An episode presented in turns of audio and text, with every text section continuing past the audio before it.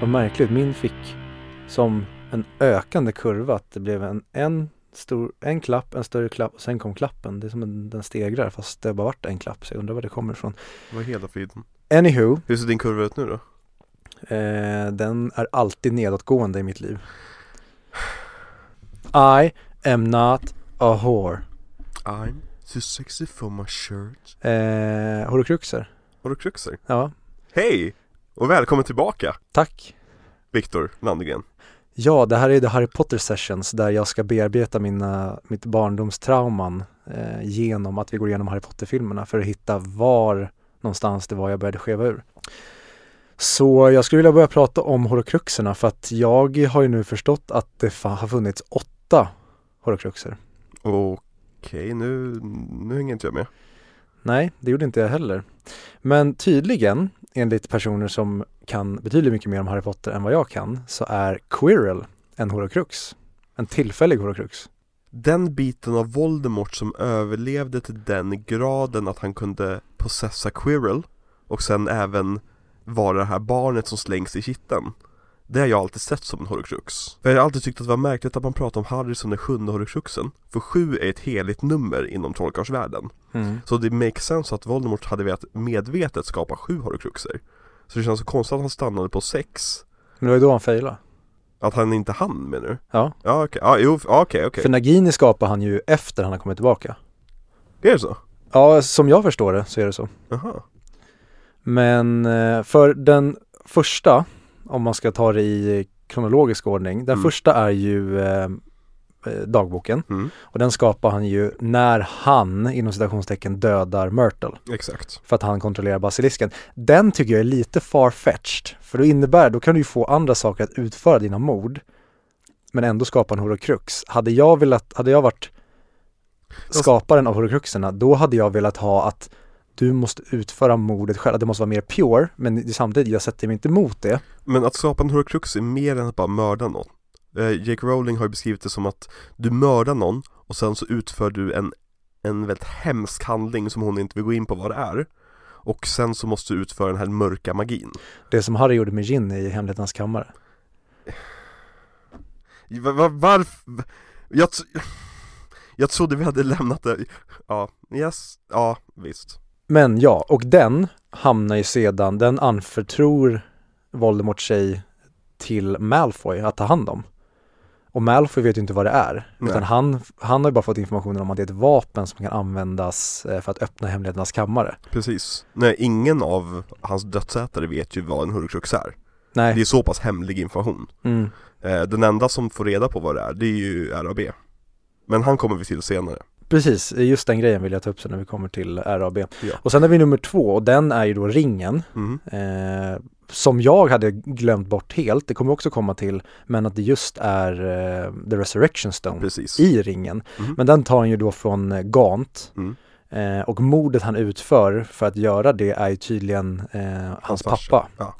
Och den gömmer han sen i Gants hus, vilket jag tycker är lite märkligt. Men eh, det är för övrigt en film jag verkligen hade velat se. Eh, jag vet inte om det är det som The Secrets of Dumbledore kommer handla om. Men gud vad jag hade velat se en film om där Dumbledore jagar horcruxerna. Nu vill inte jag spoila eh, Fantastic Beasts 2 för dig Men det kommer handla om att eh, Dumbledore har ju en hemlig bror Och att eh, Dumbledore och Grindelwald antagligen har haft en kärleksrelation Det tror jag nog är liksom vad titeln han spelar på Okej, så då var Dumbledore kär i Harry. I Grindelwald Och Harry. Om, om du, om, och Lockhart Alla, Lupin också. Men förlåt, jag måste avbryta det där. Välkommen till audio videoklubben kanske vi måste säga Vi får inte säga det förrän vi har gått igenom alla horcruxer. Okej, då klipper vi bort det här Nej det gör vi inte. Nej. Eh, horcrux nummer tre, det är ju då Helga Hufflepuffs eh, bägare. Mhm. Som, det är väldigt kul hur eh, varje elevhem skapares eh, klenod Mhm. är. Att Slytherin är ett halsband, Mhm. Hufflepuff, det är en bägare. Mhm. Och Ravenclaw har ett diadem. Mm. Men Gryffindor, han kör på ett fucking svärd. Ja men inte det här väldigt, eh, liksom, vad ska man säga, kopplat till vilka de var som personer Gryffindor var ju en modig krigare, så han har ju ett svärd Medan eh, eh, Ravenclaws, Ja, de andra? Ravenclaws, det, det, det, diademet gör folk smartare Det enhansar ens intelligens Mhm. Eh, så, så Slytherins eh, amulett, jag vet inte vad den Okej, eh, fancy bling bling kanske, jag vet inte Och Hufflepuff Milo Festa Jag köper det. Mm. Men ehm, vidare, ja just och, och den då Helga Huffpuffs bägare är då Hepzibah Smith. Som inte är med i några filmer alls Nej, och det tycker jag är väldigt synd för det är också en sån här grej som jag pratade om, jag skulle vilja se eh, typ The Rise of Voldemort. För jag hade Mm. verkligen vilja se den här charmknutten ehm, Tom Riddle. Ja, För den får vi aldrig se tycker jag. Jag tycker inte han är charmig eh, i sexan när vi får se honom i minnet utan då är han bara eh, skräckinjagande. Men det är såklart kanske inte att eh, Slughorn tycker Alltså- det på samma sätt. sexan Okej, vi ska inte gå för långt in på avsnittet innan vi ens har börjat avsnittet Men sexan är nog den filmen jag helst skulle vilja se i tv-serieformat Just för att ha de här scenerna när eh, När Voldemort kommer tillbaka till skolan och ansöker som lärare Mm. eh, för andra gången eh, Men att Dumbledore märker att han har börjat förvandlas till den här mörka trollkarlen Fan, och framförallt jag vill bara se den formen av Tom Riddle. Exakt, den mellanformen Ja, mm. Och jag hade verkligen velat se framförallt den scenen mellan Voldemort och Dumbledore. Men det tror jag nämnde i förra avsnittet också. Nummer fyra, det är ju då The Locket eller halsbandet. Och eh, där, för tidigare då har han gjort betydelsefulla mord. Då har det ändå varit på personer som betyder någonting eller statuate something. Precis Men här är det bara en random mugglare som Ja. man dödar. Men det kanske också betyder någonting Om man, Alltså jag, jag satt och läste det här igår också Mm. Eh, och jag tror att det är nog liksom kanske den första riktiga mugglaren som han dödade utan att- ens hata, utan bara för att han var mugglare, tänker jag. Alltså i min headcanon. Ja, men då kommer vi sen till eh, diademet. Ja. eh, och det gör man ju i eh, grottan. Eh, och koppen vet vi, det gav han ju till, eh, eller koppen, bägaren gav han ju till Bellatrix Mhm. och eh, gömde i hennes valv. Mm. Men där tror jag aldrig det berättas om han gör det innan han dör eller om det här görs när han är tillbaka. Jag tror att det är innan, för att annars hade den inte haft något förvaringsutrymme alls. Nej, då kör vi på det. Men varför får Ehm. hon behålla sitt valv när hon har blivit dömd, alltså krigsförbrytare? Hon är ju nazist liksom som blev dömd i Nürnbergrättegången där, dömd till livstid i Azkaban. Men hon får behålla sitt lyxvalv i Gringotts. Jag tänker att svartalferna inte kör under deras juridik utan hon är en kund. Ja, jo, Vi- det är väl egentligen grundlogiken där. Men okej, nästa horcrux det är väl eh, Ravenna Ravenclaws diadem Ja, Och där dödade han en Albanian Albanian eh, Albanian. Albanian eh, peasant ja en random alban. Du vet du varför det är i Albanien? Eh, nej. För att eh, Helena Ravenclaw, som vi kommer att prata om i nästa avsnitt Hon to- eh, stal sin mammas diadem Flydde till Albanien Och gömde ett träd. och gömde det i träd Ja. Sen kom blodiga baronen efter henne Mm. och dödade henne Mm. Och han, han skämdes så mycket så han högg ihjäl sig själv Så hon måste alltså hemsöka samma slott som sin mördare och träffa honom varje dag eh, Dumbledore, vad fan håller du på med? Han, ha- det är en wild dude, det är väl det vi kan summera det för att han är ju samtidigt god men helt jävla galen i huvudet. Ja, Det göms ju då i Room of Requirement när Dumbledore, eller när Voldemort besöker Dumbledore och ber om att få jobb mm, och han nekar honom och innan han drar så gömmer han diademet där inne. precis Och han är ju arrogant nog att tro att han är den enda som har hittat det här rummet Ja. Vilket är så bra en detalj. Jättebra. Och sen har vi nummer sex då, vilket är Harry.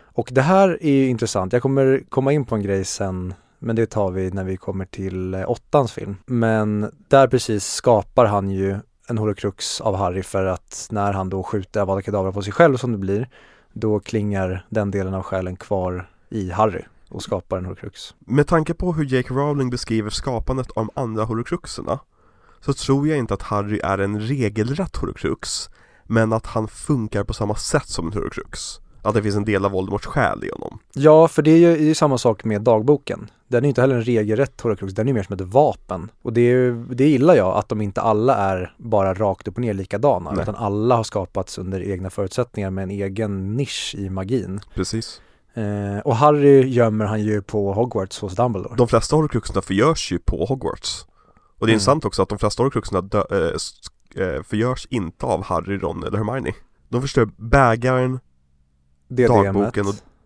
Alltså diademet är inte de som förstör böckerna, det är eh, Crab Med sin eld Ja, men okej, det är, vad säger man, i deras våld som det förstörs. mm. Sen om det är de som använder the stroke, eller det är de som strike, slår, eh, Mm. gör attacken rakt på. Men eh, det stämmer ju.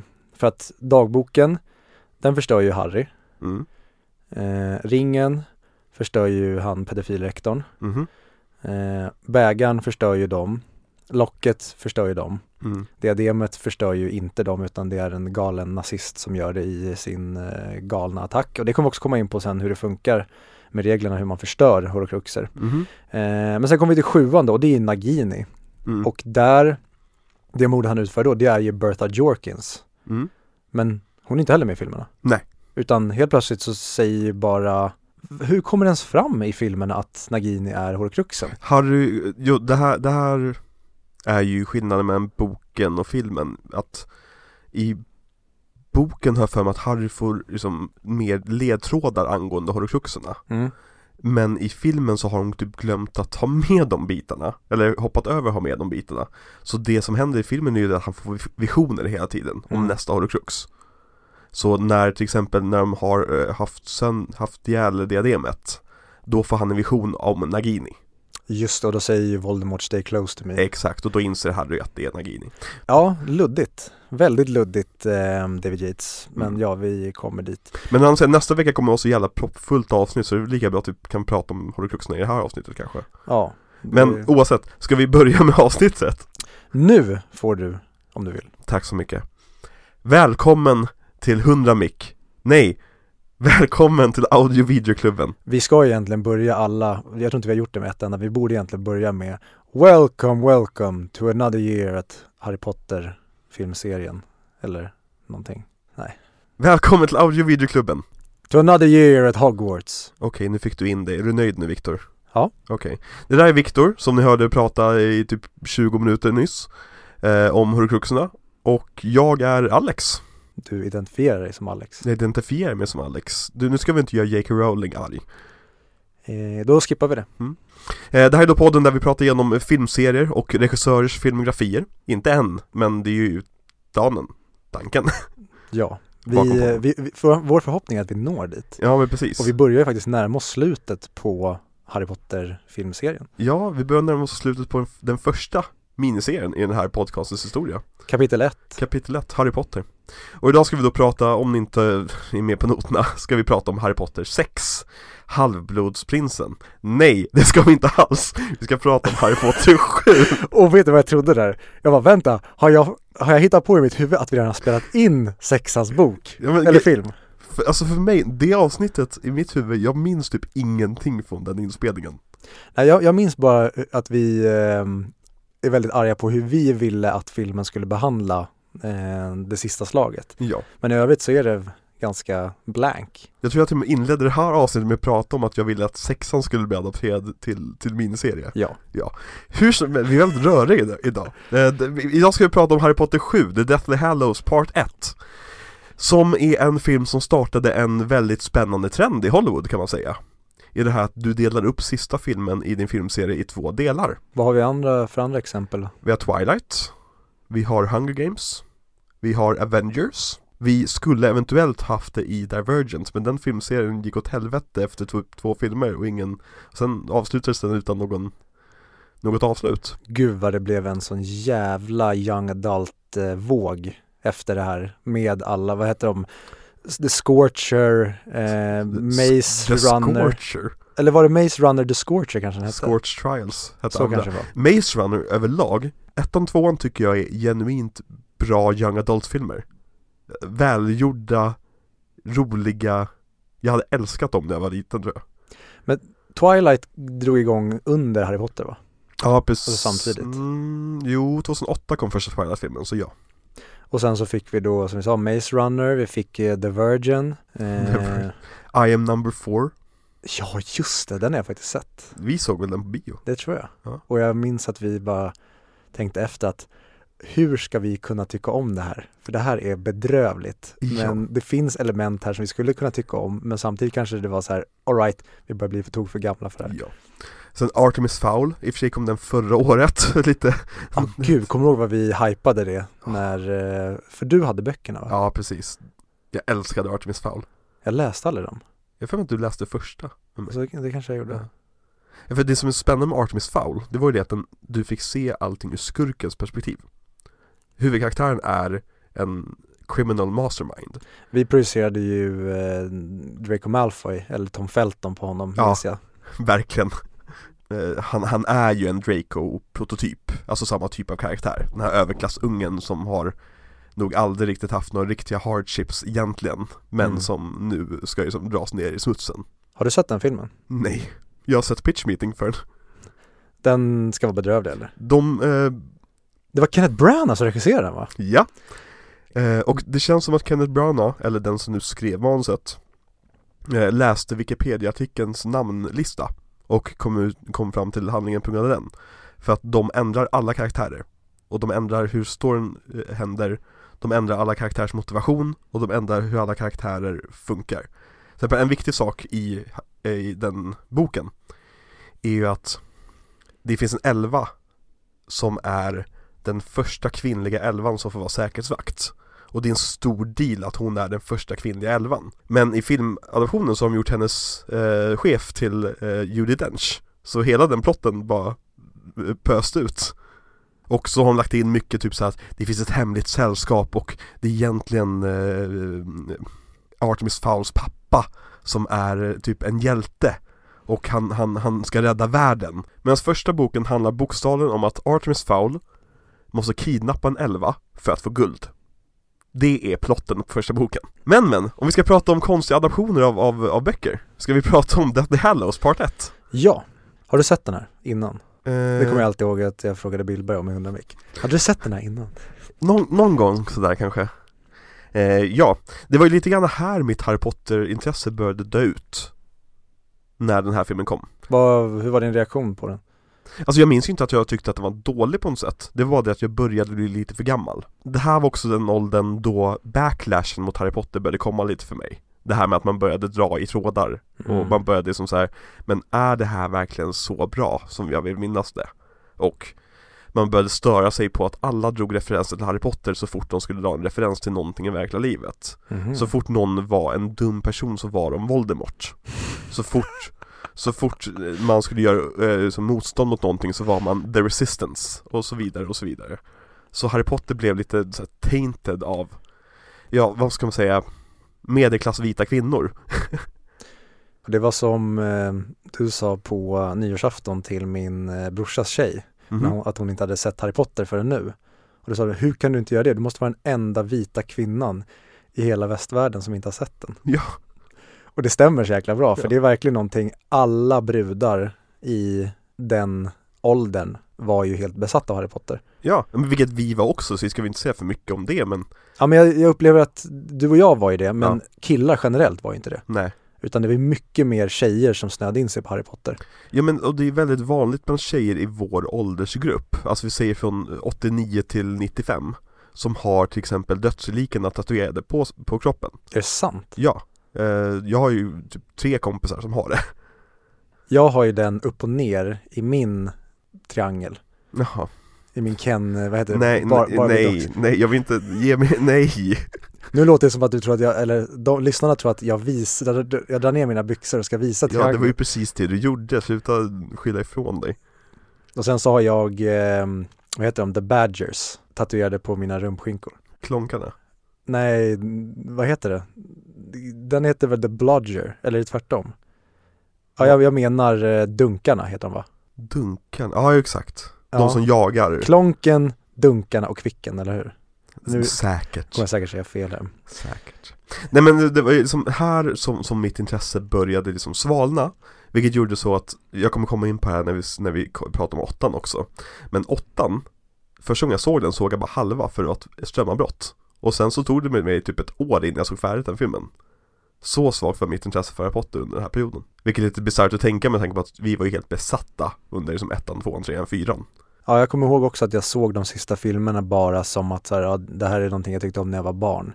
Men jag hade inte konsumerat Harry Potter på många år då. Nej, nej Men ska vi ge oss in i filmen kanske? Ja, men det kan vi väl göra. Filmen börjar i alla fall med att allt är väldigt, väldigt mörkt va?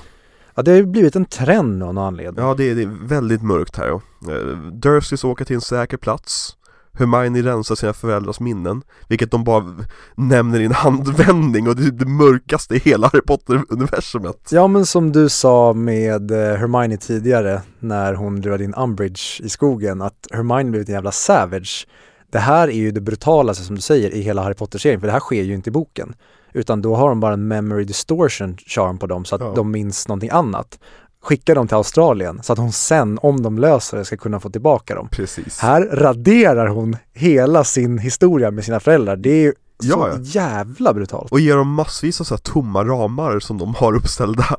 Ja, tänk sig när de kollar på fotona och bara så här, "Va- varför, fot- varför framade vi det här fotot så här? Halva bilden är tom, det är bara de i hörnet. Och jätteobehagligt att för föräldrar, tycker jag i alla fall, poserar på ett annorlunda sätt när de poserar med barn i bilder. precis. Så de bara sitter och ser jätteöverdrivna ut i sina foton och förstår inte varför. Mm. Men det skulle jag vilja säga är den, eh, jag tycker det är det mest känslomässiga ögonblicket Ja. i hela Harry Potter-serien. Och med, eh, vad heter han, Alexander Desplats eh, musik. Mhm. För det spåret som heter Obliviate är det bästa eh, sen eh, John Williams tycker jag. Ja, jag skulle säga att det är det bästa nya scoret sen trean. Musiken överlag i de här två filmerna, sista filmerna, är helt otrolig. Mm. Alltså det, återigen, vi kommer prata om det här när vi pratar om åttan, men de är väldigt hårt sammanlänkade de här två filmerna, i och med att det är del ett och del två, så vi kommer ju ha lite bleeding över antagligen.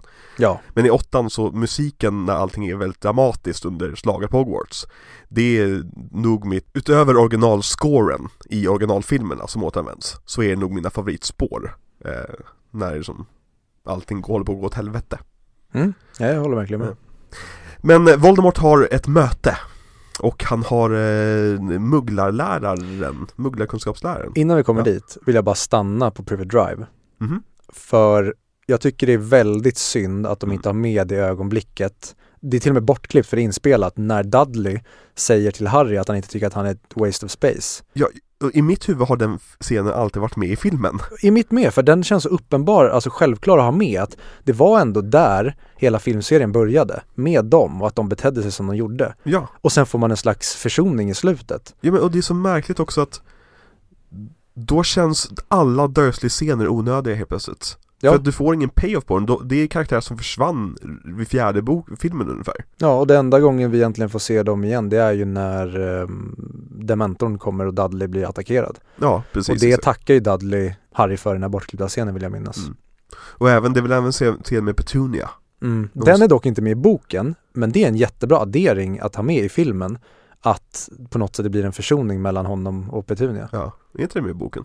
Nej.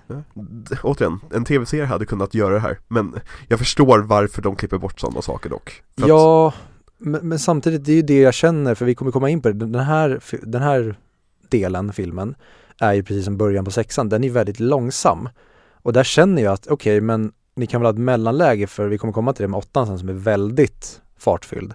Att men, ha med de känslomässiga ögonblicken här då. Varför får Hermione det här brutala ögonblicket där hon förhäxar sina föräldrar? Precis Men Harry får inte en försoning med karaktärer vi faktiskt lärt känna. Nej, Utan det är bara att hon förtrollar eh, Kathleen Stark. exakt Tänkte precis säga det också Men sen så, Voldemort har då ett möte med sina dödsätare Och han tar eh, Lucius Malfoys stav Här gillar jag verkligen vad de gör med eh, mugglarstudieläraren som jag glömt vad hon heter. Ja, vad heter hon? Jag Ja. vill, jag vill säga att hon heter så här någonting cabbage, alltså hon heter någonting som är, är något konstigt som inte låter som ett vanligt namn. Ja. Jag vill säga Modesty Blaze, men det heter hon ju inte. Det hade varit en jävla crossover alltså. Eh, men jag älskar precis som i med eh, Katie Bell-scenen. Mm. Jag gillar det här med att de har förhäxat någon som bara hänger över. Det är Mm. väldigt obehagligt, man kan göra ännu mer obehagligt. Och det är det jag sa i fyran, att jag saknade när att dödsätaren hade hängt upp mugglarna i luften. Mm, För det blir väldigt brutalt och obehagligt. verkligen. Och sen när hon liksom plidar till Snape, Mm. som är hennes kollega. Ja. De har liksom känt varandra väldigt, väldigt länge. Och så sitter han där med hennes fiender. Mm. Jag gillar verkligen den grejen med att det vi får reda på Snape, eller om Snape sen i slutet och Mm. hur han agerar i till exempel sådana här lägen. Precis. Att det blir verkligen att jag måste bita ihop här ja. och se folk offras. Men de har i alla fall en diskussion om att eh, ha- hans stav, Voldemorts stav inte funkar som den ska när han träffar Harry för att de har samma kärna. eh, Så han behöver en ny stav, så han stjäl Malfoy, Lucius Malfoys stav Mm. eh, Eller tar den, stjäl är väl fel ord Han ber ju faktiskt om den. Ja, precis, exakt eh, Och det kommer vara mycket om stavar i de här två filmerna eh, Mycket som de känns som att det dras ur röven som inte alls är uppsatsen tidigare Dra stavarna ur röven. Exakt, exakt Det hade ju varit en optimal lösning för att inte få dem att knäckas. Tänk om till exempel Ron hade haft sin i röven när de flyger bilen i tvåan in the Wamping Willow. Det var en jättedålig lösning för att inte få dem knäckas med tanke på att ditt tarmsystem slingrar sig omkring Men jag tänker om du gör en liksom, du, under flera år så tar du den långsamt upp så kommer det bildas en slags rak linje rakt upp så att någonstans ovanför naven slutar din trollstav. Och tänk om du råkar trolla, alltså du typ, du får gaser i magen och så tänker du Wingardium Leviosa och sen helt plötsligt så blir den trollformen i din mage för att du håller ju tekniskt sett i staven. Det här är sånt jag tänker på om nätterna. Det här, det här gick jättelångt, jättesnabbt. Det, det spårade ur direkt. Jag, jag, jag, eh, jag Du får ha de tankarna, jag dömer dig inte för dem. Döm, Men jag tänker gå vidare nu Viktor. Gå vidare. Harry ser ett öga i spegelskärvan som han aldrig fick. Det, det är kanske det, inte roligaste, men den största och märkligaste incoherencen i hela Ja. filmserien. Han får ju spegeln av Sirius i femman Ja just det, och var kommer den ifrån? Det är Sirius spegel, det är en gammal relik Ja, just det, för den har varit i, på Grimaldiplan väl? Precis, Innan, exakt. så är det. Ehm, och han ser helt enkelt, eh, i den här skärvan så ser han ett blått öga då och då. Och i boken funderar han på om det kan vara Dumbledore. Och den här spegeln visar sig ha en väldigt stor betydelse i framförallt sista boken. Ja, det är lite synd om, om, om eh, David Yates att, att, att han inte fick den här informationen när han gjorde femman. Så att man kunde faktiskt lägga in att Harry fick den här spegeln. För Harry sitter och kladdar på den här spegeln genom hela filmen och även nästa film. Alltså lägg in en kommentar. Ja eller någonting, varför det här, folk är ju för, alltså för oss som hade läst böckerna så var det självklart vad det var för något. Men jag tror att om, om jag skulle gå med min mamma och se den här filmen till exempel Hon skulle ju inte hänga med för fem öre vad det är för något. Nu spelar det inte jättestor roll, alltså man förstår att det är en magisk artefakt liksom. Det är Harry Potter-världen, man behöver inte ha så liksom mycket setup för saker och ting egentligen. Nej. Men det är bara märkligt hur mycket den här filmerna lutar sig mot den här spegeln. Harry gör sig i alla fall redo för att Get the hell out of there. Precis, dra från Privet Drive och eh, Fenixorden, inklusive Bill, som nu är halvvarulv på grund av något som inte hände i sexan Ja, det är väl det som jag börjar landa i mycket med filmerna. Det är att det är väldigt mycket Deus Ex Machina, vilket det är i böckerna, men Mm. det är en del av magin. Men att ta det i en Mm. film, då blir det väldigt mycket att så här, det här hände för att filmen vill att det skulle hända och att det blir väldigt mycket saker som ah, jag har läst boken så jag förstår var den där skadan kommer ifrån. Men som average filmtittare, då fattar du jack shit. Ja, eh, och det är då Bill Weasley som spelas av General Hux Precis. Eh, Och eh, han är då gift med Fleur Delacour, Mm. Fleur Delacour Från fjärde filmen, om ni minns henne Clemens Pomensy heter hon väl? Nej? Jo, poesi eller pomesi. Poes Ja, ja. Hon heter Clementine i alla fall. Ja, men det är i alla fall Fenixorden som ska hjälpa Harry att fly från Private Drive För att när Harry fyller 17 så kommer hans skydd att försvinna från honom Och då kommer dödsnätarna kunna hitta honom vart som helst Love it. Vilket de inte riktigt går in på i filmen, men det är därför det här händer Mm. eh, Och sen har vi en jättehärlig scen där Daniel Radcliffe får verkligen använda sina skådespelarchops Där alla i Fenixorden förvandlar sig till Harry Potter för att förvirra dödsätarna. Och därmed måste Har- Daniel Radcliffe, han måste spela Hermione, han måste spela Fleur, han måste spela Fred och George. Fred och George. Jag vill säga Ted och George hela tiden. Teddy och Freddy. Ted från och Saltkråkan. Eh, han måste spela Ron och, alla- och han gör det bra, riktigt, riktigt bra. I det att han, han efterhärmar allas liksom, kroppsspråk och hur de pratar, hur de säger saker det, det är en vä- väldigt underhållande scen I agree. Jag tycker eh, animationen håller där också. ja, Den är men inte fläckfri men den är kul. Det är en väldigt standard liksom, typ 20 pass Så att säga, alltså att man tar samma tagning 20 gånger Fast han står på olika ställen Nej jag menar mer hur deras ansikten bubblar. Det är som polyjuice elixiret i tvåan. Ja, De använder ju praktiskt taget exakt samma typ av effekt. Kan du, du som nyss har läst böckerna Kan du förklara för mig hur polyjuice-elixiret i tvåan anses vara typ en av de svåraste sakerna du kan göra som tar evigheter att bli, eh, få färdigt och det är svårt att få färdigt till att bli en sak som Hermione har i fickan hela tiden. Ja det är ju väl helt enkelt att de lär sig att eh, förfina hur man använder det. Jag tänker, det här är ingenting som förklaras, men jag tänker också att det finns alltså massproducerat, du kan köpa det. Alternativt att Hermione preppar för framtiden ja. så att hon eh, har gjort det här länge och gjort en stor brygd för att det, hon vet att det kommer att behöva användas. Ja. Så det har inget typ bäst före-datum kanske? Nej, för till exempel, det kommer ju åttan, men när vi kommer till, när de ska till banken, mm -hmm. då är det bara Hermione som eh, förvandlas. Ja. Och det är ju boken för att de har bara till en person. Men Precis. det säger de inte i filmen, Nej. utan då är det bara att de vill ge Ron ett coolt skägg. Och den, den scenen är också kul för att i, nu ska jag inte prata om åttan egentligen, men jag bara tänkte på det, jag såg den igår Att sättet att förklara att vi ska använda polyljus elixir för att ta oss in Det är att Hermione håller upp ett hårstrå jag tänker bara för stackaren som sitter och följer med sin unge på bion som inte har koll på vad som händer Så bara, okej okay, vänta, nu håller hon upp ett hårstrå, okej okay. Jag förstår inte vad som händer, men jaha, men nu är skurken med dem Jaha, för att det finns ingen förvandlingssekvens. Det finns ingen som säger Vi ska använda det här eh, hårstrået för polyjuice-elixiret För att folk som är Harry Potter-fans Vet att ett hårstrå betyder, jaha, de kommer använda polyjuice-elixiret Ja, det, det var en, en till bit. Men de ska i alla fall fly från Private Drive Och de eh, parar ihop sig i olika par. Eh, Sätter sig på kvastar, testraler. Eh, Harry får åka med Hagrid i eh, sidovagnen. Mm. eh, Och det går åt helvete på en gång egentligen Ja, och jag gillar verkligen den här biten, hur mm. det blir kaos rakt upp och ner. Ja. Men då kommer jag tillbaka till David Yates problem här igen. Att nu flyger ju vissa av dödsätarna på kvastar. Undrar, varför gör de det? Och varför flyger de ens på kvastar och motorcyklar och grejer om alla tydligen kan flyga? Det är det här jag tycker är så himla dumt när då det kanske inte var planerat från början David Yates skulle göra allt det här men det finns ju återigen när man kommer tillbaka till Star Wars och deras sequelfilmer. Ha en fucking plan och tänk när ni gör saker att ni behöver en plan från start till mål eller i alla fall att okej, okay, nu har vi gjort det här. Då måste vi också förhålla oss till det här framöver. Vi kan inte ändra tillbaka någonting som vi redan har ändrat. Nej men jag håller med. Det är, det är väldigt rörigt vad det är som faktiskt gäller när det kommer till dödsätarnas förmågor mm. framförallt. Men eh, det slutar med att Hedvig dör och Mad Eye Moody dör. Och det är väl Fred va, som får örat avsprängt? Ja, för det är väl George som dör vill jag minnas. Ja, det... Så då måste det vara Fred. Exakt. Eh, och han drar det här skämtet om att han är holy. Mm. Och det gillar jag, ja. att det blir ett metaskämt, att han kommenterar att ditt skämt är uselt av alla öronskämt som går att dra. För det händer så otroligt sällan i filmer att folk reagerar på skämten som dras. Mm. För det är alltid som att de skämtar till publiken och sen så sitter, står alla runt omkring och bara är tysta och väntar på reaktionen från publiken innan de kan fortsätta. Mm. Det är som, det är som Chandler i Vänner. Ja. Ingen skrattar åt hans skämt.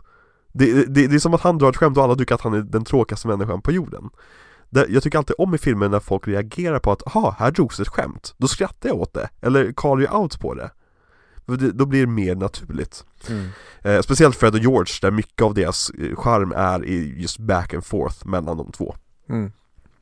Men Harry lyckas i alla fall ta sig fram till eh, Weasley-huset efter mycket om och men och strider och eh, Harrys och eh, Voldemorts trollstavar möts i luften och ja. ja, för under hela den här resan då så här ändrar de ju återigen grejer från boken. Till exempel, de åker inte direkt till The Burrow i boken, då åker de till Tonks föräldrar som den första anhalten. Eh, men det är en grej som jag förstår helt och hållet att man klipper. Man åker, det är såklart The Burrow. The Burrow de, känner vi till. De har klippt bort praktiskt taget hela Tonks och Lupins plott i den här boken. Ja, det. alltså de klipper till och med bort det i filmen när hon ska berätta att de har förlovat sig. Då avbryter Moody henne inne i huset. Så att ja, de har liksom klippt henne i filmen, ja. bokstavligt talat. Men just eh, Voldemort-delen, det var ju det jag nämnde tidigare med när Voldemort, alltså dödsätarna och även de goda kan flyga. För i boken är det ju en big, big deal när de sen kommer till The Burrow att han kunde flyga utan något färdmedel. Han kan flyga all by himself och då blir Voldemort ännu läskigare. Vilket mm. jag tycker är en så synd grej att de eh, inte kan köra överhuvudtaget. De försöker göra det, mm. men vi har inte glömt att de kunde flyga tidigare. Exakt, vi har sett dem flyga i två filmer nu. Ja, och jag förstår även actionsekvensen där när de åker ner på marken och um, Hagrid däckar och det. Förutom det att Hagrid kan ju inte däcka av trollformler. Utan mm. han är ju för tålig, men det har de inte etablerat i filmerna. Så det är lugnt, men i filmen så sker ju aldrig det. Utan, och Hedvig räddar ju inte eller skyddar inte Harry i boken utan hon är hans i buren i eh, sidovagnen. Exakt. Så hon ramlar ner på botten av buren helt enkelt. Mm. Men jag förstår det för att det ska finnas lite actionelement här och det, jag gillar att det kommer så pass tidigt och hur de gör det här så jag är egentligen bara innan nitpickaren och jag tycker det är jättebra hittills. Mm. Ja men verkligen. Men de kommer fram till, eh, till The Burrow och eh, recuperate, vad heter det på svenska? Återhämta sig, Jag omgrupperar typ. omgrupperar. Eh, men Harry vill ge sig av mitt i natten för att leta efter horcruxerna. Mm. Men eh, Ron stoppar honom och säger att hörru, hörru, hörru, bröllop först, horcruxer sen.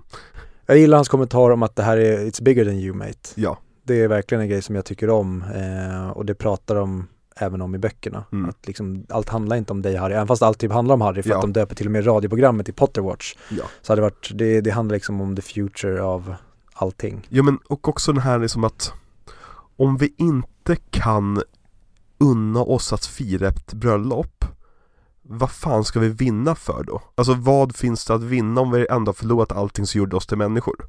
Eh, Men den nya eh, ministern dyker upp Scrimger Rufus Scrimger Ja, eh, Spelad av Bill Nighy episkt Ja. att kasta honom som Rufus Scrimger, även fast han typ är med i en, En scen. scen.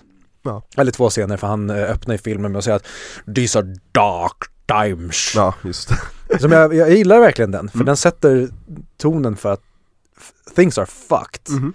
Och nu ehm, ja, ska han komma och eh, dela ut eh, presenter. Precis, Voldemorts, Voldemorts det, det, det minns jag, minns du det här också att i fyran, i slutet på fyran så fanns det en felskrivning där det skulle stått Voldemort men det stod Dumbledore istället Nu när du säger det låter jättebekant. Eller hur? Mm. För jag för mig att vi blev så här, vi blev lite mindfucked över och inte förstod tills vi insåg att det var en felskrivning Men det kan också vara någonting vi drog ur röven Kul om det förändrade hela bokserien för de svenska läsarna. Precis, alla tror att Dumbledore är skurken ja.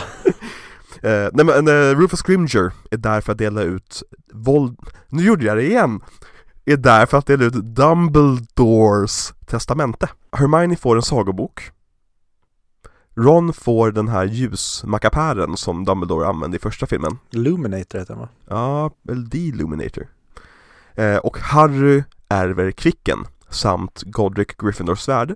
Men de kan inte hitta Godric Gryffindors svärd som dessutom inte är Dumbledores att ge. Så Nej. han får bara Kvicken. Och det är en scen när alla tror att det är nå- något som ska hända med Kvicken när Harry rör den. För den har ju eh, hudminne. Eh, men ingenting händer och eh, Rufus Scrimger åker därifrån. Med lite av så här varningens ord till eleverna.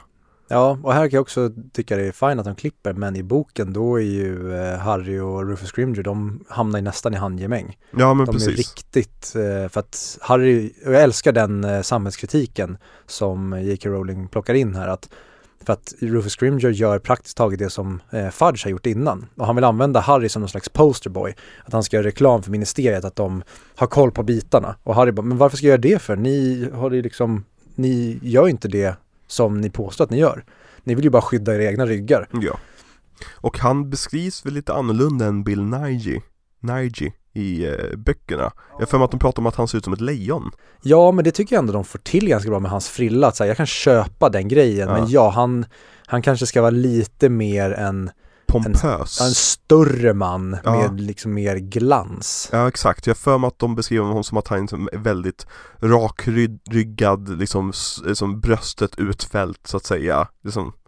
Eh, Men oavsett, en, en jätte, jättebra scen. Mm. Men här börjar vi nu med Deathly Hallows egentligen.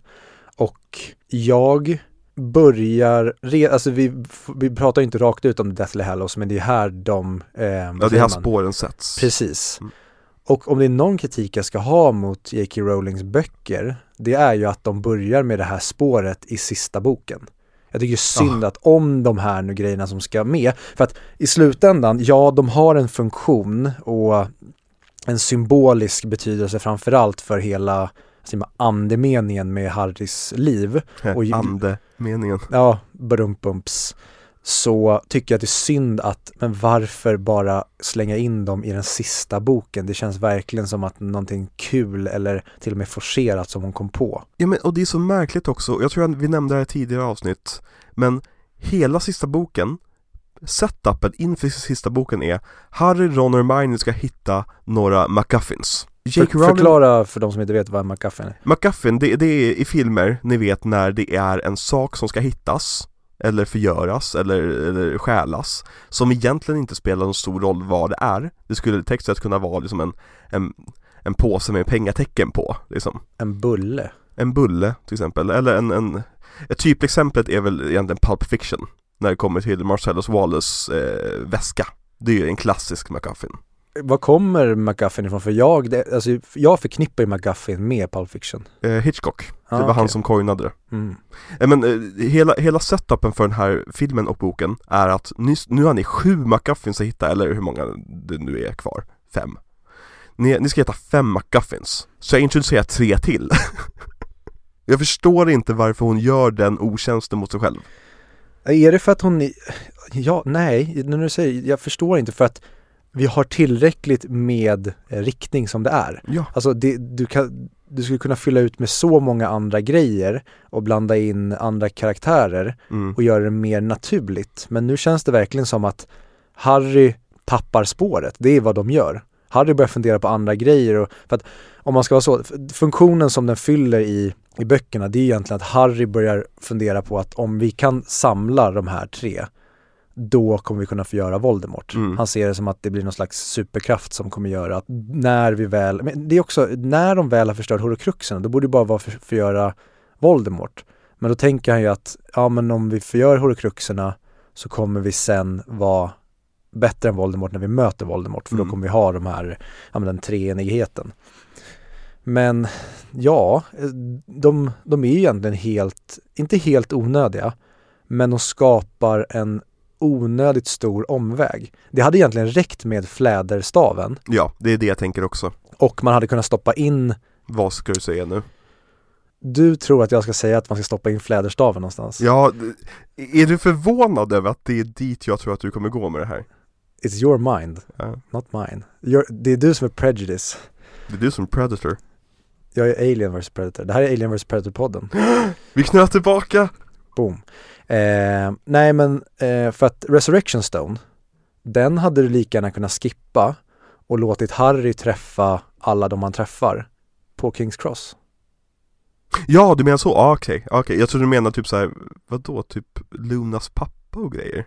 Alltså hon hade, de hade ju kunnat träffa Lunas pappa på tåget 19 år senare i sista Ja men det scenen. var lite grann det, det jag trodde att du sa, men du, du menar alltså att de han återuppväcker från de döda eh, med stenen träffar, eh, kan kunna ha träffat med Dumbledore på den väl rena stationen? Ja, Ja okej, det hade ju varit en, vad säger man, en mindre omständig omskrivning. ja I och med precis. att hon sätter förutsättningarna för vart det befinner sig. Ja, alltså överlag är det väldigt lätt att skriva ut dödsrelikena ur den här boken Ja, och den här filmen. och nu sitter någon Harry Potter-nörd där och skriker Ni är helt dumma i huvudet, ni fattar. Nej, okej. Men det här är så vi förstår det. Ja men och vi måste också prata om vad filmen gör och inte vad djupa tolkningar av boken har kommit fram till med hjälp av Pottermore information och grejer utan vi måste prata om vad filmen informerar oss om. Ja. Och i filmen, jag är ledsen, men dödsrelikerna är totalt meningslösa. Ja, det enda som man skulle kunna hävda det är att fläderstaven på något sätt gör, Fast fläderstaven är bara en omväg. ja, det, det är väl Voldemort någonting att göra typ. Ja men exakt, det ger, det ger Voldemort lite av en riktning i filmen. Eller, eller, de gör Voldemort till ett större hot, man är redan ett stort hot. Men, men vänt, vänta nu, nämner de ens i Deathly Hallows part 1 eller 2 att Harrys osynlighetsmantel är osynlighetsmanteln? Nej, de gör ju inte det. Nej visst gör de jag inte jag det? inser det nu, de, de, det kan vara att vi missar en scen eller så, men jag kan inte minnas att de nämner det, nej. Nej. Och Harry har väl på sig osynlighetsmanteln när han går till dem på slutet i boken va? Eh, ja, Vilket han inte har i filmen. nej. Vilket gör att vi, slä, vi, vi, vi, Vi kommer dit. vi, vi, vi kommer prata mer Ja. om dödslikena. Det är bröllop i alla fall. Det är bröllop, eh, Bill och Fleurs bröllop. Ja, och eh, till skillnad från boken så är Harry inte polyjuice eh, elixirad här och är deras cousin Barney. Just det! För det är han i eh, boken. Men det det, skippar de här och Victor Crumb dyker upp på bröllopet i eh, boken. Det har de även spelat in scener för, så han skulle göra det i filmen också. Oh. För att det är han som första gången eh, berättar för Harry vad eh, pedofilen Lovegoods eh, halsband eh, vad det är för symbol. För han säger att det där är Grindelwalds Just det, han, de hamnar nästan i Eller vänta, bråk. är det Gorgovich? Gorg- Och jag blandar alltid ihop det här. Nej, för- Grindelwald använde symbolen. Ja, men jag för mig att han säger, eh, för Gorgovich är ehm, deras Wandmaker. Mhm. Jag för mig att han säger att det är Gorgovich, eh, the Wandmakers symbol. Nej, nej, jag för mig att han säger Grindelwald för att jag för mig att de sen hamnar i, nästan i bråk.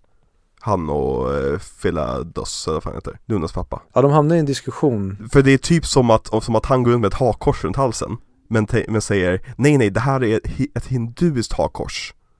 Och så kommer, kommer eh, Viktor Krum och säger jo, men jag är jude. Du, du kan ha på dig ett fucking hakkors. Ehm, Du läste ju boken precis. Någon får ju skriva in, jo men jag vet att eh, Gorgovich, eller Gro- Go- Gregorovic. Grego- Gregorovic kanske han heter till och med. Eh, han ju, har ju en funktion i, eh, för att det är ännu mer sidetrack i boken. Mm. Då behöver man hitta, då behöver man ta reda på vem Gregorovic och eh, Grindelwald är. Och så knyts det ihop till Dumbledore, Dumbledores förflutna, vilket man typ är, helt och hållet skippar här. Mm. För att eh, det, Inte helt och hållet, nästan. ah, De okej, antydningar till man, det. man tar 5% av Dumbledores eh, historia i filmen Precis. versus i boken. För att i boken får man veta Alltså det får ju Harry ifrågasätta Dumbledore helt och hållet, precis som han ifrågasatte sin Precis. farsa. Han får ju veta massa grejer där, ja men egentligen, och det pratar ju ehm, Harry och Dumbledore om sen på eh, Kings Cross. Mm. Just det att, för det tycker jag också är så jäkla bra med Dumbledore, att han, han var ju på väg att bli ond när han var ung. Mm. De skulle liksom starta en jävla fascistrevolution. Ja, han, ju, han gav sig ju på mugglare när de hade gett sig på hans syster. Det var hans pappa. Så det är därför hans, för de, det står ju i Rita Skeeters bok att pappan har dödat mugglare. Mm. Men det var efter de gav sig på ehm, Ariana. Precis. Men och, vi, vi, vi, vi kan inte sidetracka på det här igen. Nej, vi kommer tillbaka till Dumbledore. Ja, eh, för att Har- Harry, Rita Skeeter har skrivit en bok om Dumbledore eh, Som Harry får reda på och han pratar med några stycken som sitter där de, de, de, de ger honom väl egentligen informationen om att så här, Du tror att du vet eh, att du känner Dumbledore men det finns mycket här som du inte känner till Mm. Och de bygger upp för att någonting ska avslöjas om Dumbledore kanske Ja! Som inte, som inte filmen levererar på Nej, och det är därför jag tänker att i den här part 1 och part 2 har det spelats in så jävla mycket fett. Eller i alla fall grejer som de sen vid klippbordet bara ta bort, ta bort, Ja. ta bort, ta bort. De har inte dödat David Yates darlings. De har killed alla Harry Potter-fans darlings. Mm. Men under bröllopet så faller ministeriet Och eh, bröllopet måste avbrytas och alla måste fly För dödsätaren anfaller Ja, och eh, Harry ska töntigt eh, rädda Ginny. Eh, och Lupin tar tag i honom och säger Stick! Stick härifrån! Men Ja. i boken så sker inte det utan då skiter han fullständigt i Ginny och har Ja. gjort klart med Ginny att vi kan inte vara tillsammans eh, på grund av The Mission. För att jag känner verkligen kemin mellan Ja, Daniel de- Radcliffe och eh, vad hon nu heter som spelar Ginny. Det är så konstigt att man inte kan hennes namn Jag skulle säga att hon är den sämsta biten med Harry Potter-filmerna, eller i alla fall Ja. den sämsta skådisen och karaktären, för hon är så himla platt tycker jag. Alla andra får de verkligen till.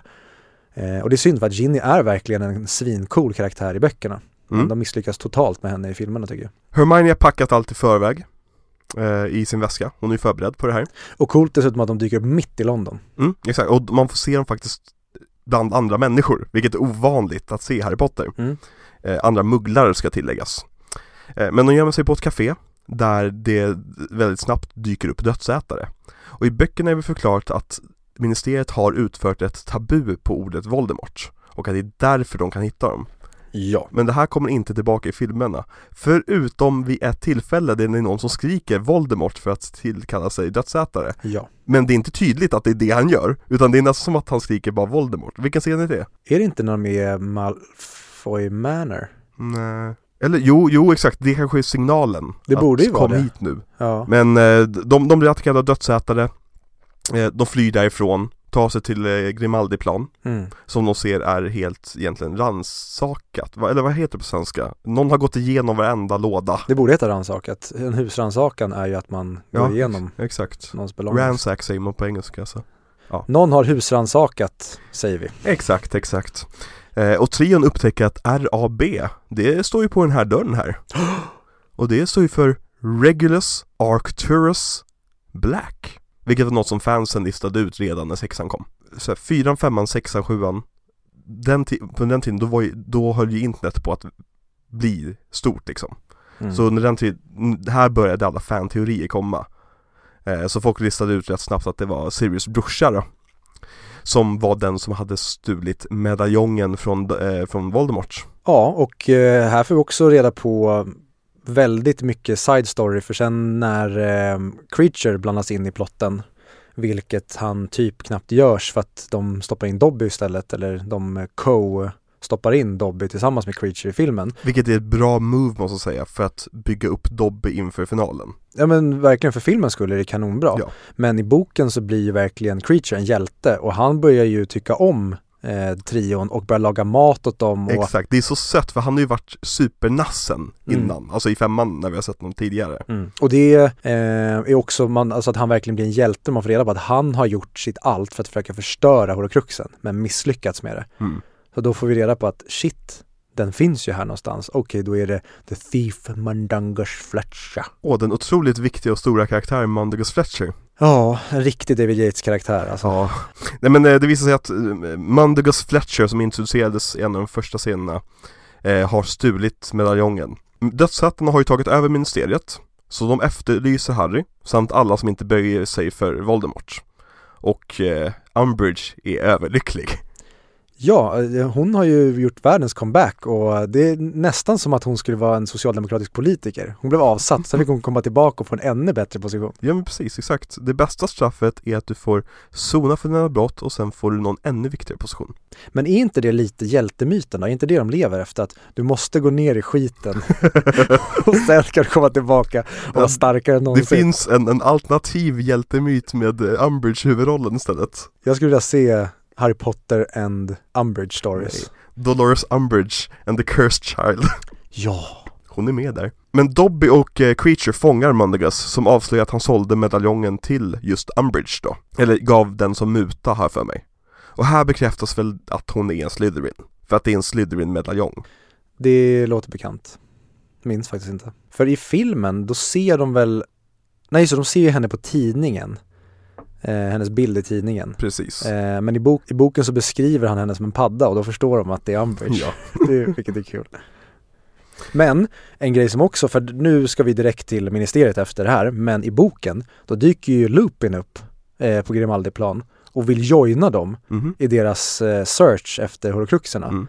Och han berättar att Tonks är gravid Mm. och han flyr som en fegis för att han säger ja, det, vilket liv kommer ett, eh, en halv eh, varulvsunge ha och jag kommer skämmas över mig och Harry verkligen skämmer ut honom Mm. och förnedrar honom och säger det, vad är du för en vek jävla fjant? Mm. Så det slutar med att det blir eh, Wizard, eh, vad heter det? Att, battle, eller Lupin skickar in Harry i väggen vill jag minnas Mhm. och sen flyr han. Mm. Och sen har de ingen mer kontakt förrän de ses sen på Hogwarts, men där har de ingen kontakt.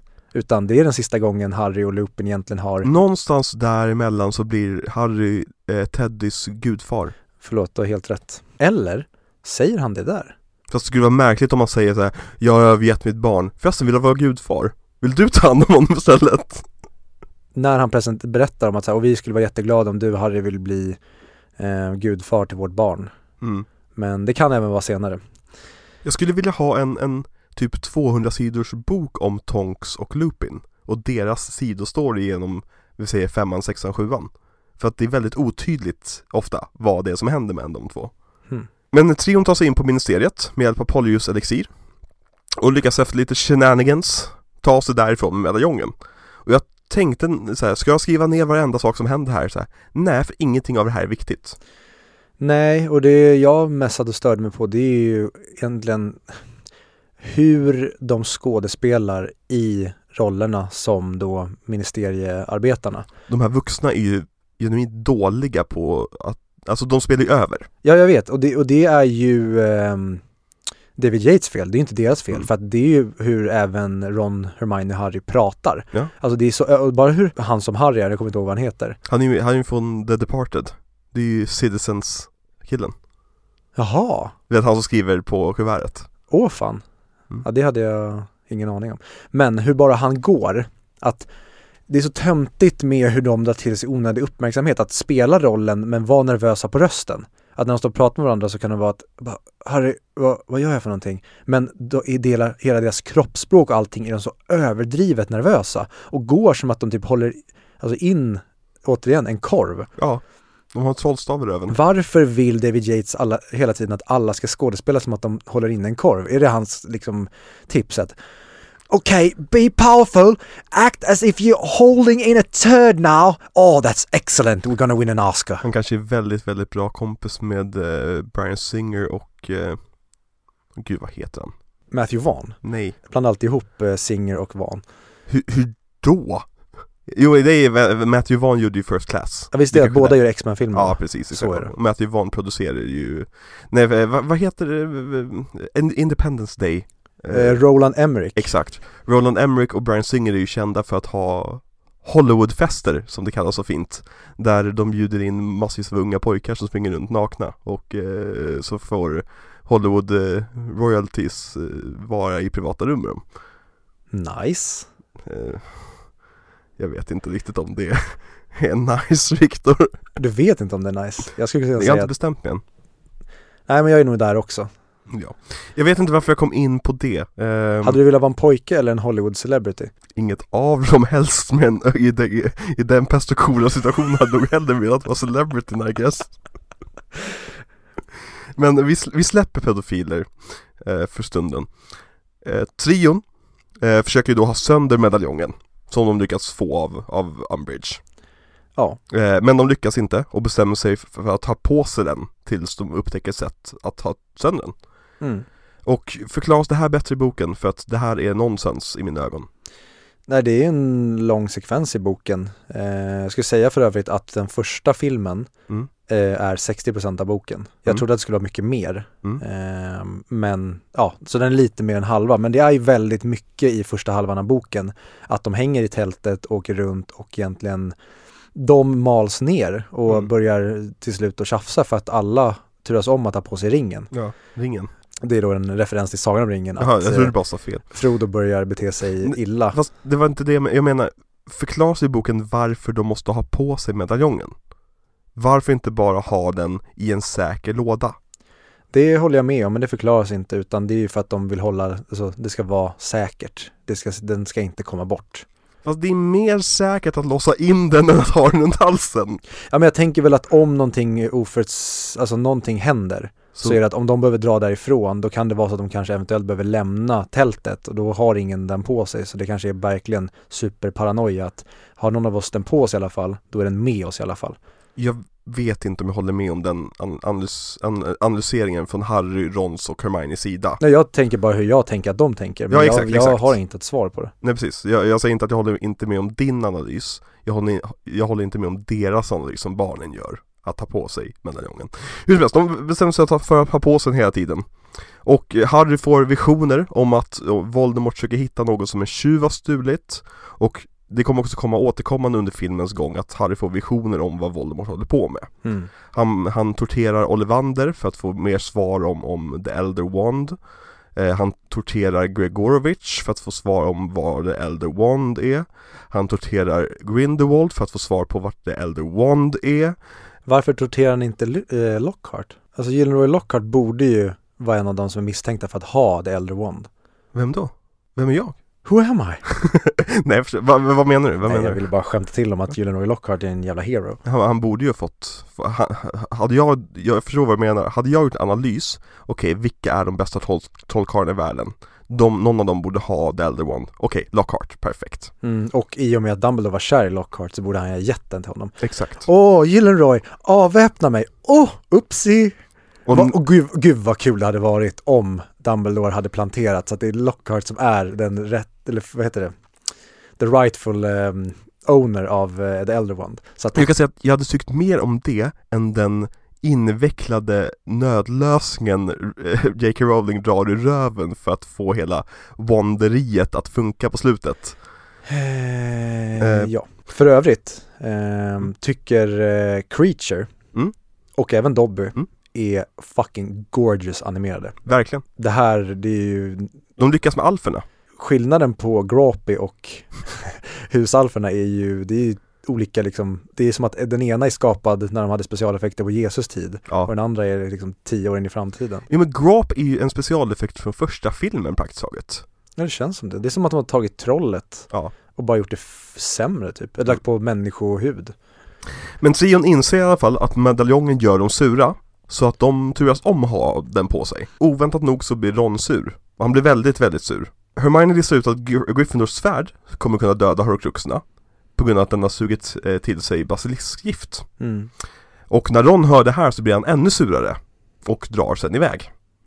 Och det här förklaras så mycket bättre i böckerna Just det här nermalandet av deras tålamod med vad som händer Och att de inte har en enda aning om vart de ska någonstans. I filmen går det på 10 minuter känns det som Ja, och eh, Harry börjar märka att de pratar om honom när han inte är där. Mm. Eh, när han kommer in i tältet till exempel efter att ha hållit vakt, då slutar de prata. Så det byggs verkligen upp den här uh, missförtroendet från både Hermione och eh, Ron. Precis Men Ron är ju den då som har lättast att tappa det och sen blir det ju som en dålig hopkok av allting att han är på dåligt humör och känner att de, ja han har inget förtroende för Harry kvar Nej. och att han har horcruxen på sig och det slutar med att det blir bråk och eh, jag gillar verkligen hur de hanterar hans exit i filmen med att Ron säger det att nej du har inga, du vet inte hur det känns att vara orolig för din familj för Nej. dina föräldrar är döda. Och det är så bra Alltså, eh, sagt, nu, nu lät det som att jag snackade skit om, om det här. Jag tycker att det här är ett bra ögonblick. Det här var någonting jag inte gillade särskilt mycket när jag såg den första gången Och när jag läste böckerna. För jag tycker inte om när folk blir ovänner. Eh, Men just det här att Ron säger någonting som han själv inser är lite över gränsen Men som han nu inte kan ta tillbaka. Ja. Eh, Men Hor- Horry, Hor- Horry Ron heter han Ron eh, drar därifrån och Hermione och Harry reser vidare Och det Ja. här förklarar man ju bättre i böckerna Men de måste ju använda sig av ett helt paket av skyddstrollformler Ja. För att skydda sin campingplats på varje ställe de reser till ja. Och det är lite grann så, är du utanför bubblan då kommer du inte in i bubblan Mm. Eh, och jag gillar den idén av att visst, det finns skyddstrollformler Men du kan inte bara säga 'skydda mig' Utan du måste säga 'skydda mig mot det här' och 'skydda mig mot det här' och 'skydda mig mot det här' Mm. och det här och det här Och det kommer också tillbaka i åttan då när de gör den stora bubblan över Hogwarts Mm. Hittills har det låtit som att vi är väldigt eh, klagande och förlöjligande. Det Men är väl alltid Ja, men hittills, alltså i de tidigare filmerna, framförallt i femman, det var väl där vi började verkligen ta fram motorsågen och förlöjliga och sen Rum, kanske vi aldrig egentligen kom tillbaka i sexan trots att vi båda verkar tycka om sexan ganska mycket. mm. Men jag tycker ju om de här delarna, det som vi hittills får se i, eh, i skogen och i tältet och det. Det är typ mina favoritdelar, eh, bland mina favoritdelar i alla fall i alla Potter-filmer. När vi tar det lugnt och vi får spendera tid med karaktärerna. Och även dansscenen som kommer tyckte jag var väldigt cringe och det, jag tyckte att de här delarna sög när jag såg det på bio. Men i, nu när jag sett om det så tycker jag verkligen om de här delarna mest när vi får spendera tid med karaktärerna. Samma sak när de plinkar på pianot Mm. eh, i Grimaldiplan. Att här får vi spendera tid med våra karaktärer men det här hade jag velat se i tidigare filmer. Det Exakt. kanske inte ska komma i den näst sista filmen men om man då ska vara, vad säger man, ur ett rent så här lockelseperspektiv då tycker jag att det är en snygg grej med att vi får inte så jäkla mycket i den här filmen utan det, sista, det händer i den sista. Det blir nästan som att det här är teasern inför den sista. Ja, jag håller med dig numera. Utöver att jag hade bara velat att det hade varit bättre. För jag tycker inte till exempel att Emma Watson håller som skådespelare längre. Särskilt mycket i den här scenen. Mm. Jag tycker att det borde varit bättre skrivet. Jag vet inte, varje gång de här scenerna kommer så känner jag så här, åh vad mycket potential och jag gillar konceptet att nu tar vi det väldigt, väldigt lugnt här. Men det blir inte den effekten på mig som jag skulle vilja att det skulle bli. Jag håller ju med dig till viss del men jag tycker även att det är vad säger man, de finare delarna men Mm. jag önskar att det hade kunnat göras av då kanske bättre eh, en bättre regissör och Mm. bättre skådespelare. Jag gillar pianobiten väldigt mycket, måste jag dock säga. Mm. När de är på Grimaldiplan. Det, det är väldigt rart och väldigt fint. Jag vet inte om det, vi kommer dit än men jag gillar just dansscenerna, de dansar med varann. Eh, för det blir någon slags Harry försöker göra någonting bra av den här väldigt pissiga situationen. Mm. Och jag tror att dan- den dansscenen kommer typ här alternativt efter nästa sak som händer. Mm. Eh, Jag, jag hade verkligen, eh, för det som vi kom, sen kommer få se med eh, Horcruxens förstörelse, jag hade verkligen vilja se eh, en längre sekvens här, till exempel där Harry och Hermione pratar med varandra och lämnar ut Ron. För det är det han också blir väldigt arg på i boken. Ja, Det är att, ja men jag, jag fyller ju ingen funktion, jag, det är bara ni hela tiden och jag är bara han som hänger på, jag är Harry Potters odugliga kompis. ja, Och det hade varit väldigt nice att se att Ron sitter och är avundsjuk på Ron Herm- eller på Harry och Hermione ännu mer Mm. när de sitter och liksom pratar och planerar själva som att, men jag är Exakt. inte ens en del av det här. Nej men det är just det jag menar att jag är inte så jättemycket emot konceptet att ta det lugnt här Utan jag är lite emot utförandet Mm. eh, Liksom slutprodukten av det Det köper jag. Men Harry eh, känner att vi har inga spår Så vi kan lika gärna åka till Godric's Hollow Ja, och det här vill han göra redan på Grimaldi-plan i boken. Han är väldigt, han vill tillbaka till sina rötter helt Ja. enkelt. Och det är väldigt mycket vad, om man egentligen ska summera Harry och vad han gör genom alla böcker och eh, kanske inte så mycket filmerna, men det är att han vill ju, säger man, han vill ju tillbaka till sina rötter. Han vill ju förstå vem han är och var han kommer ifrån och hitta någon slags väg tillbaka till sina föräldrar Precis. och få en slags gemenskap och kanske i slutändan förinta döden är ju det han vill göra. Han vill, det är därför han blir så jävla kåt på The Resurrection Stone. Precis Åh, kan jag få tillbaka dem? Han vill ju bli the master of death Ja. Men eh, han tror också att Voldemort kan ha ju gömt en Horcrux där Mhm. För någon anledning Hermione tror att, han, att Godric Gryffindors svärd kan hittas där Vilket är lite mer av en logisk slutsats Eftersom han kommer ju från Godric's Hollow. Eh, Så duon åker till Godric Hollow, Godric's Hollow eh, Och de ser samma symbol på en grav som fanns i Hermiones bok Samt på medaljongen som Lunas pappa hade runt eh, halsen. Och namnet Peverell står på den här graven. Eh, Och Harry ser sina föräldrars grav. Och vi får också här får du din önskan uppfylld Viktor, för här får du se Harry Potter-huset sprängt. Ja, och det eh, tackar jag väl så mycket för. Och här i boken tydligen, eh, jag minns inte hur det är i filmen, men i boken då är det bara eh, övervåningens typ östra del som är sprängd. Resten är intakt.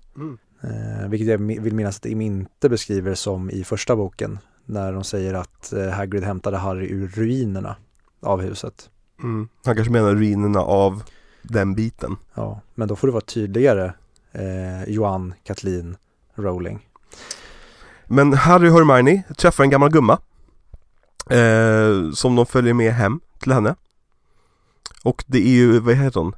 Batilda Bagshot. Bagshot. Ja, och i, i boken, då har de ju tagit Polyos elixir. Mm. För att det är ju jävligt retarded att åka till Godric's Hollow Ja. och, utan någon förklädnad alls. Varför har de inte ens osynlighetsmanteln i filmen? Och i böckerna så har den här sekvensen en poäng. Och det är det att de lär sig mer om Dumbledore. Att det, att, det, att det är någonting hemligt bakom Dumbledore. I filmen så har det här ingen poäng, för att hon förvandlar sig till en orm och sen flyr de. Ja, det är väl egentligen det då, att eh, Voldemort är nära på att ta dem helt enkelt. Ja. Han lurar dem. Det är lite spänning i mitten av filmen, okej jag fattar strukturgrejen bakom det. Mm. Och i, eh, i, fil- eller i boken så sker, då är det verkligen ett sånt här kaosögonblick som man får läsa om, för man förstår inte riktigt vad som händer. Men Batilda Exakt. lurar ju upp Harry på övervåningen och sen förstår han ju att anledningen till att hon inte har pratat framför Hermione, det är ju för att hon pratar parseltongue. Så att när hon väl börjar prata så liksom kommer det en, en ormröst och sen så Mm. bara förvandlar han sig till ormen och attackerar Harry. Hermione kommer upp, räddar Harry och egentligen boken får man inte veta vad som händer utan Hermione berättar för att Harry slocknar Mm. och så räddar Hermione honom ur kaoset. Men i det här kaoset så har Harrys trollstav gått sönder, Mm. vilket är i böckerna så är det ett stort what the fuck moment, har jag Mm. för mig. Ja. Att det är så här: oh shit. Det, det här är ju liksom dekonstrueringen av hjälten pågår ju hela tiden här. Mm. Han tappar sina vänner, han tappar sina förmågor, han tappar sin trollstav. Vad, vad har vi kvar till slut? Vi har karaktären kvar och det ska räcka liksom. Mm. Ehm, Och Hermione får även väldigt mycket ångest i boken för att hon känner sig att det är hennes fel. ja, Men Harry säger att det är inte ditt fel, du räddade livet på mig. Precis. Skit i det. Och så börjar hon eh, låta honom träna med hennes stav och få honom att kunna använda den. och i filmen är det typ som att han tar hennes stav som straff. Eller hur? Ja, de, de, eh, det är inte uttalat så, men det är så här, de landar, säger var är min stav? Harry, i tumultet så, så gick den sönder. Harry, Harry blir typ så här kall och, och bortkopplad. Och säger, ja, då får jag väl ta din stav när jag är på vakt då. Och så tar han den och så går han därifrån typ.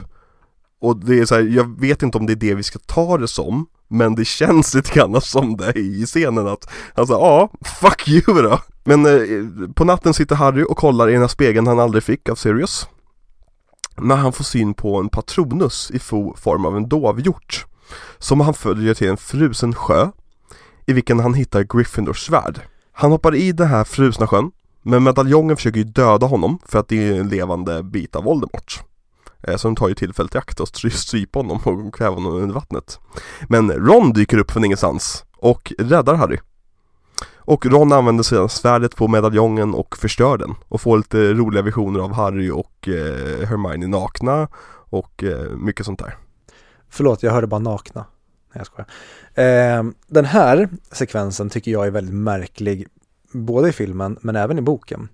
Hur och varför hamnar svärdet på botten? Ja men varför, eller jag, jag förstår ju hur, men hur har du fått ner det dit? Och varför kan man då inte på samma sätt få tillbaka det upp? Hur har det här praktiskt gått till när Snape har tagit svärdet och placerat det där och du kan inte göra samma grej reversed? Eller har Snape simmat ner naken och lagt det på botten? Jag- Eller? Tror att det ska vara något typ att du får bara få svärdet om du förtjänar det.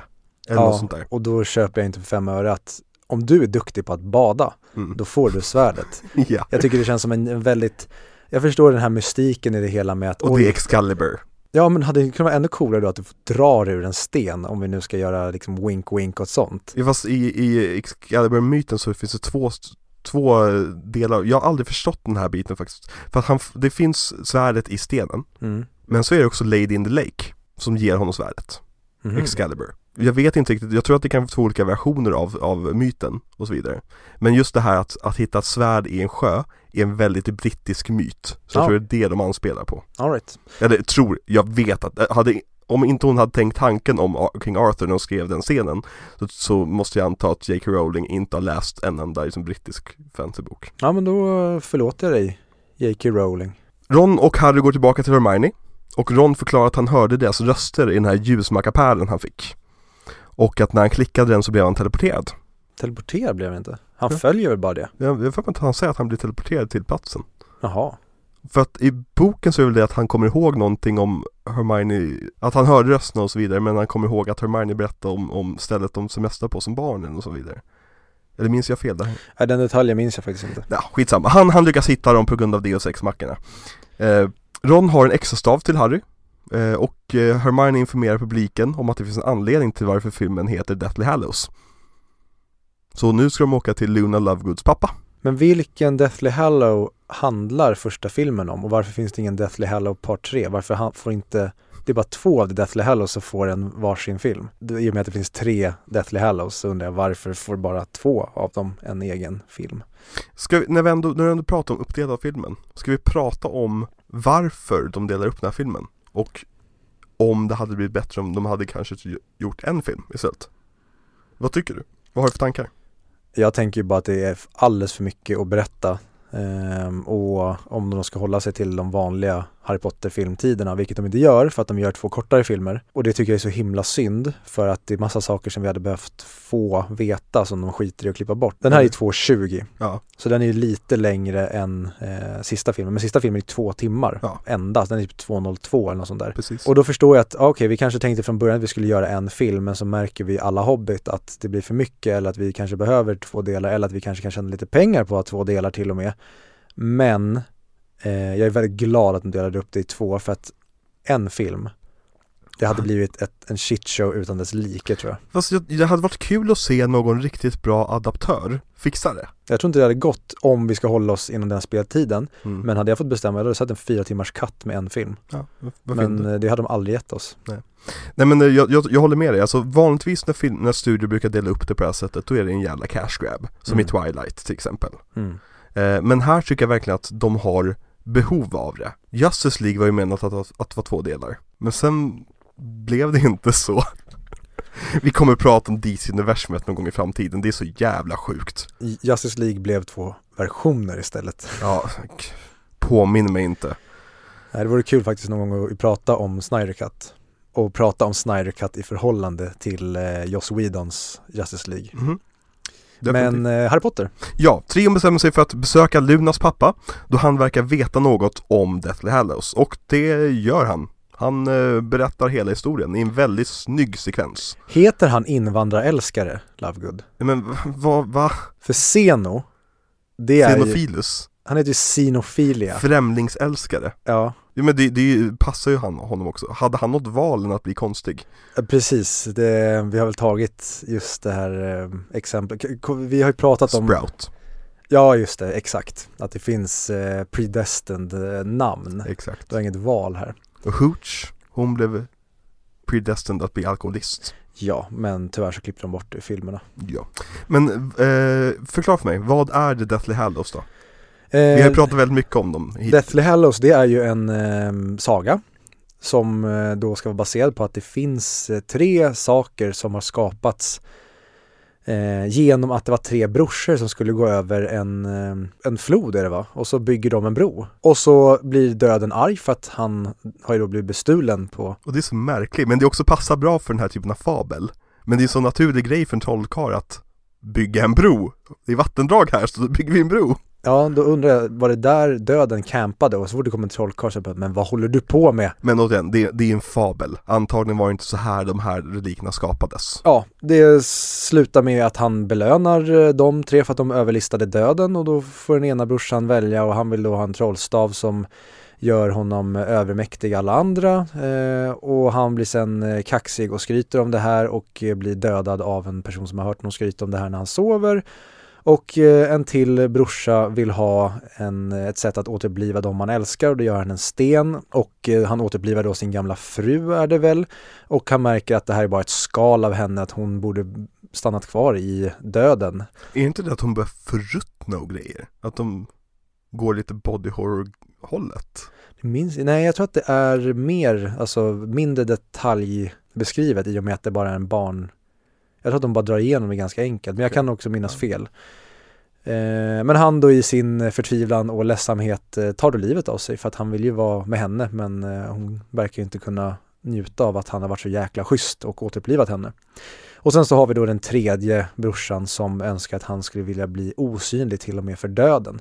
Så att döden eh, tar bort en del av sitt eget tyg och gör en osynlighetsmantel till honom som gör honom helt och hållet osynlig. Och det passar ju perfekt då att Harry har en sån här osynlighetsmantel trots att de inte har berättat tidigare i böckerna någon gång att Harrys osynlighetsmantel skiljer sig från de andra osynlighetsmantlarna som vi har pratat om. Och det är egentligen, det var en bra sammanfattning. Och lägger till att den tredje brorsan sen i slutet av livet ger över osynlighetsmanteln till sin son Mm. och möter döden som en vän Mm. och låter honom eh, ta med honom in i döden. Vi gillar verkligen den avslutningen på att Mm. den tredje brorsan vann över döden. Precis. Eller vann så länge han ville vinna. Ja men att han, För att han eh, dör ju. för att det är det, döden gör ju de andra två eh, Deathly Hallows som då ska ha brister vilket gör att han i slutändan lurar brorsorna. Exakt. Men den tredje brorsan kan han inte lura utan han lever sitt liv och när han är gammal och ska dö då kommer han och säger döden att ägde dig Mm. men eh, nu kommer jag till dig på mina villkor. Och det är egentligen, det här är lite snyggt tycker jag. Att det enda sättet att vinna över döden, det är att vara passiv inför döden. Är du aktiv inför döden, är det att du försöker helt enkelt jaga ditt eget liv, då kommer döden hitta dig snabbare. Men den enda brorsan som överlevde längst, det var han som valde en passiv kraft. Eller en passiv gåva. Eh, väldigt snyggt gjort. Jag, jag gillar verkligen myt, mytologin här. Och det här, den här biten är så otroligt snyggt animerad. Den är animerad som, jag ska säga, typ silhuetter. Jag tycker det ser ut som en typ Tim Burton-grej. Ja, ja men precis. Fast det var inte Tim Burton väl som hade gjort Nightmare before Christmas? Nej, men han designas karaktärerna. Ah, okej. Egentligen, den här sekvensen rättfärdigar eh, Deathly Hallows existens.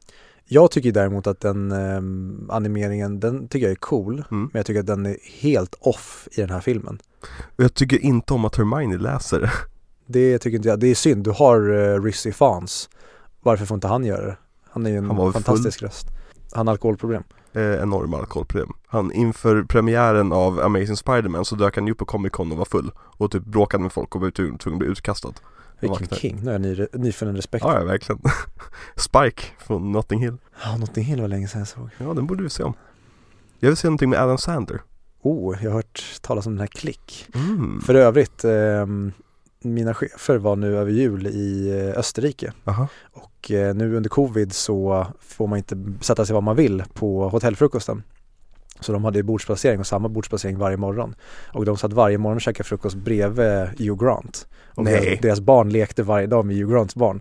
Så jag ska se nu om eh, de kanske har blivit lite buddies med honom. Men Ja. det är ju verkligen en, en skådis som jag är så otroligt glad att han har fått en revival igen. Ja, och en bra revival som inte bara att han spelar samma gamla vanliga roller Ja. Utan han tar faktiskt risker nu Precis, och jag gillar verkligen att det var Guy Ritchie som pretty much tog tillbaka honom från de döda. Och det är därför jag kan aldrig, alltså oavsett vad folk säger om Gentleman Nu, nu jag tycker den är jättebra men jag kommer alltid vara tacksam för Gentleman Vadå, gillar inte folk den? Nej. Varför? Ska jag verkligen gå in på Gentleman och varför folk inte tyckte om den år 2020? Är det folk som faktiskt har genuin kritik över en dålig film? Eller är det bara att Ja men det är svårt att avgöra om folk är genuint Att de inte tyckte om den så, alltså på grund av hantverket Eller på grund av att de inte tycker om liksom själva temat och konceptet Okej, så de hade varit lika kritiska eh, om man ska tolka, eh, fultolka dem. De var lika kritiska mot Snatch som den hade kommit idag. Jag, jag misstänker att det är det de säger De gillar inte Guy Ritchies ehm, out there-stil. Nej, helt enkelt Jag älskar The Gentleman. Jag med Har du sett Wrath of Mannen? Nej, för att jag hatar Jason Ja, Statham. men hur fan går det ihop då? För att jag älskar det som Guy Ritchie har gjort där Jason Statham inte är med. Men han är ju med i typ allt Nästan Han är inte med i Man from Uncle. Nej, Han men är åh, inte med i Gentleman. Han är med i Snatch, men det är tidigt. Eh, jag gillade inte Lockstock, Two Smoking Barrels, när jag såg den när, jag var yngre. Och jag är rädd för att se om den för att han är med. Nej nej, han, det är hans första filmroll Jason Stathams Och han, eh, han var plockad direkt från gatan så han är väldigt hungrig Och alltså, inte bokstavligen Utan han, han är som en hungrig skådespelare, han, han gör inte bara Jason Statham Eh, Okej. Så jag, jag, jag, eh, jag kan, vi borde se Lockstock, vi borde köra Guy Ritchie Oh, Guy Ritchie hade varit kul att köra. Ja. Verkligen. Jag tycker vi spikar det längre fram Guy Ritchie kommer dyka upp definitivt. Ja. Eh, men om Guy Ritchie, eh, Mr Guy, if you're hearing me now, I want a sequel to A Man from Uncle, please, please, uh, Yes. please. Jag vill ha en sequel till King Arthur Jag, jag är den enda personen på den här planeten som faktiskt tyckte om den filmen Jag behöver nog se om den, men jag tyckte att den eh, blajade till det. Ja, men jag, jag, jag vet inte, Jude Law som ond kung, det är, jag har för mig att jag störde mig på CGI-bonansen. Men... Det gör du alltid. ehm, Ja, Men Lunas pappa medger sen att han har varnat dödsätarna och att trion är där på grund av att Luna är kidnappad av dödsätarna. Eh, så trion flyr, men de landar mitt i ett par snatchers, som är då liksom onda trollkarlar som är ute för att fånga barn som inte har kommit tillbaka till Hogwarts. mm. Eh, och de blir fångade, men Hermione förhäxar Harry så att han blir oigenkännlig, säger de. Och det här har jag väldigt mycket problem med efter att jag läst boken. Okej. För det är kul att postern till den här filmen, det är ju att de springer i skogen. Och det här är ju en stor scen, att de springer i skogen. Men i boken springer de aldrig i skogen. Utan de dyker upp utanför deras tält. Mm, Och Hermione gör det här mot Harry i tältet och sen kommer de ut och typ blir tagna frivilligt. mm. Och då undrar jag, med allt som man kan fylla med som vi behöver få berättat för oss, varför behövs det en scen där man bara springer i skogen? Vet du varför? Ja, men berätta. För att vi är i tredje akten och studion känner att vi behöver lite action här. Ja, och då känner jag att det finns så jäkla många olika sätt att hade kunnat göra istället för... Sen, jag tycker väldigt mycket om att det är en riktig miljö, att de springer i en riktig skog. Men det känns som att varför är det här med om det inte är med i boken? Varför plockar ni bort så mycket som är med i boken när vi kan få det här i boken istället? Varför kan ni inte fylla ut eh, Malfoy Manor istället och göra någonting längre och mer utdraget där? På tal om, på tal om Lockstock and Two Smoking Barrels, huvudsnatchen är ju huvudkaraktären i Lockstock. Mhm. Du vet han med håret och binden och Ja, men jag har inget minne av att jag sett honom förr någon gång. Ja, nej han är ju huvudkaraktär, han är ju den som gamlar bort alla pengar Mm. Eh, åh, jag älskar Lockstock eh, Men eh, när Harry i alla fall blir träffad av Hermiones eh, trollformel så får han visioner av Voldemort som förhör Grindelwald om staven Så Hermione jobbar för Voldemort? Exakt eh, Och han får också, Voldemort får veta att Dumbledore har staven och eh, Johnny Depp ser väldigt fräsch ut för att vara eh, 90-åring Du menar Mads Mikkelsen? Men, Nej jag menar eh, Colin Farrell Har alla tre spelat honom? Ja. Åh herregud. Vänta, så i den första Fantastic Beast, Ja. då är det Colin Farrell? Förutom de sista scenerna För att det visar sig att han Eh, han heter någonting Nej men jag vill inte veta om du Nej men okej, då spoilar jag, jag undrar bara att han är i första filmen Ja men du vill ju inte veta någonting så jag tänker inte svara Nej på men den frågan s- svara bara ja eller nej Jag kan inte svara på den för du vill inte veta någonting Jo, Det är en spoiler är Colin Farrell med som Grindelwald i Nej. första filmen? Han spelar någonting Graves, men det visar sig att han är Grindelwald Okej, så han spelar Grindelwald Ja. i första filmen Och sen så har vi Johnny Depp som tar Är över Grindelwald, liksom på riktigt Grindelwald Ja okej, och sen nu så ska vi göra om det med Mads Mikkelsen Så Ja. det kommer bli som den här Dr. Parnassus eller vad den hette Ja. Förutom att det kommer inte bli bra Eller vad heter den? Ehm, The Imaginarian of Dr. Parnassus ja, och sen så har vi den här, fast då gjorde de det medvetet eh, I'm not there heter den va? Ah, ja! Älskar den, Bob Dylan-filmen Inte sett. Den är makalös. Eh, Men jag tror man måste vara lite av ett Dylan-fan för att faktiskt uppskatta de olika referenserna de drar. Eller kanske inte, eh, Heath Ledger är strålande i den. Eh, Ja, Jag har ju bara haft en, kanske ett par månader där jag verkligen lyssnade igenom Bob Dylans musik så att jag egentligen bara plockat på mig kanske 10-15 låtar som jag Mm. lyssnat på. Mm. Men det kanske räcker. Mm. Ja, alltså det handlar mer om att man måste veta om att Bob Dylan har varit väldigt många olika personer genom sitt liv. Ja, olika alltså, epoker Ja men olika faser och grejer, Mm. och det är det de spelar väldigt mycket på. Att, Ah, okej. att till exempel, vi, nu ska vi prata om I'm Not There tycker jag, det här blir jättebra. Eh, Till exempel Kate Blanchett. Hon spelar ju Bob Dylan från när han typ, när han började med det elektroniska Han blev väldigt hatad när han började med elektronisk musik För att enligt folkälskarna, han, han är ju folkmusiker Enligt folkälskarna är det ful musik eh, Så hon spelar honom under den epoken till exempel Så Medans- kvinnan får ett stalt hat Ja men precis, exakt. Och hon är briljant som Bob Dylan. Hon är alltid briljant Eh, sen Heath Ledger spelar ju som filmstjärne Bob Dylan, alltså han som var med i olika filmer och grejer. Eh, det finns en liten svart pojke som spelar Bob Dylan när han reste runt i USA och lärde sig bluesmusik. Eh, Richard Gere spelar en, en cowboy som är liksom Bob Dylans alter ego kan man säga i vissa låtar. Och så vidare. Nu kommer säkert någon Bob Dylan-nörd smälla mig på fingrarna om, om de här olika koncepten. Men det är verkligen, det är väldigt metaforiskt i filmen. Det är inte liksom att Kate Blanchett spelar Bob Dylan mellan 62 och 65, Heath Ledger tar över 65 till 68 och alltså inte så utan alla spelar. Det är egentligen bara två av dem som spelar faktiskt Bob Dylan. Resten spelar andra karaktärer som är Bob Dylan under taket. Det låter som ett eh, riktigt häftigt koncept. Det är en väldigt häftig film. Eh, Det är lite flummig men väldigt, väldigt bra film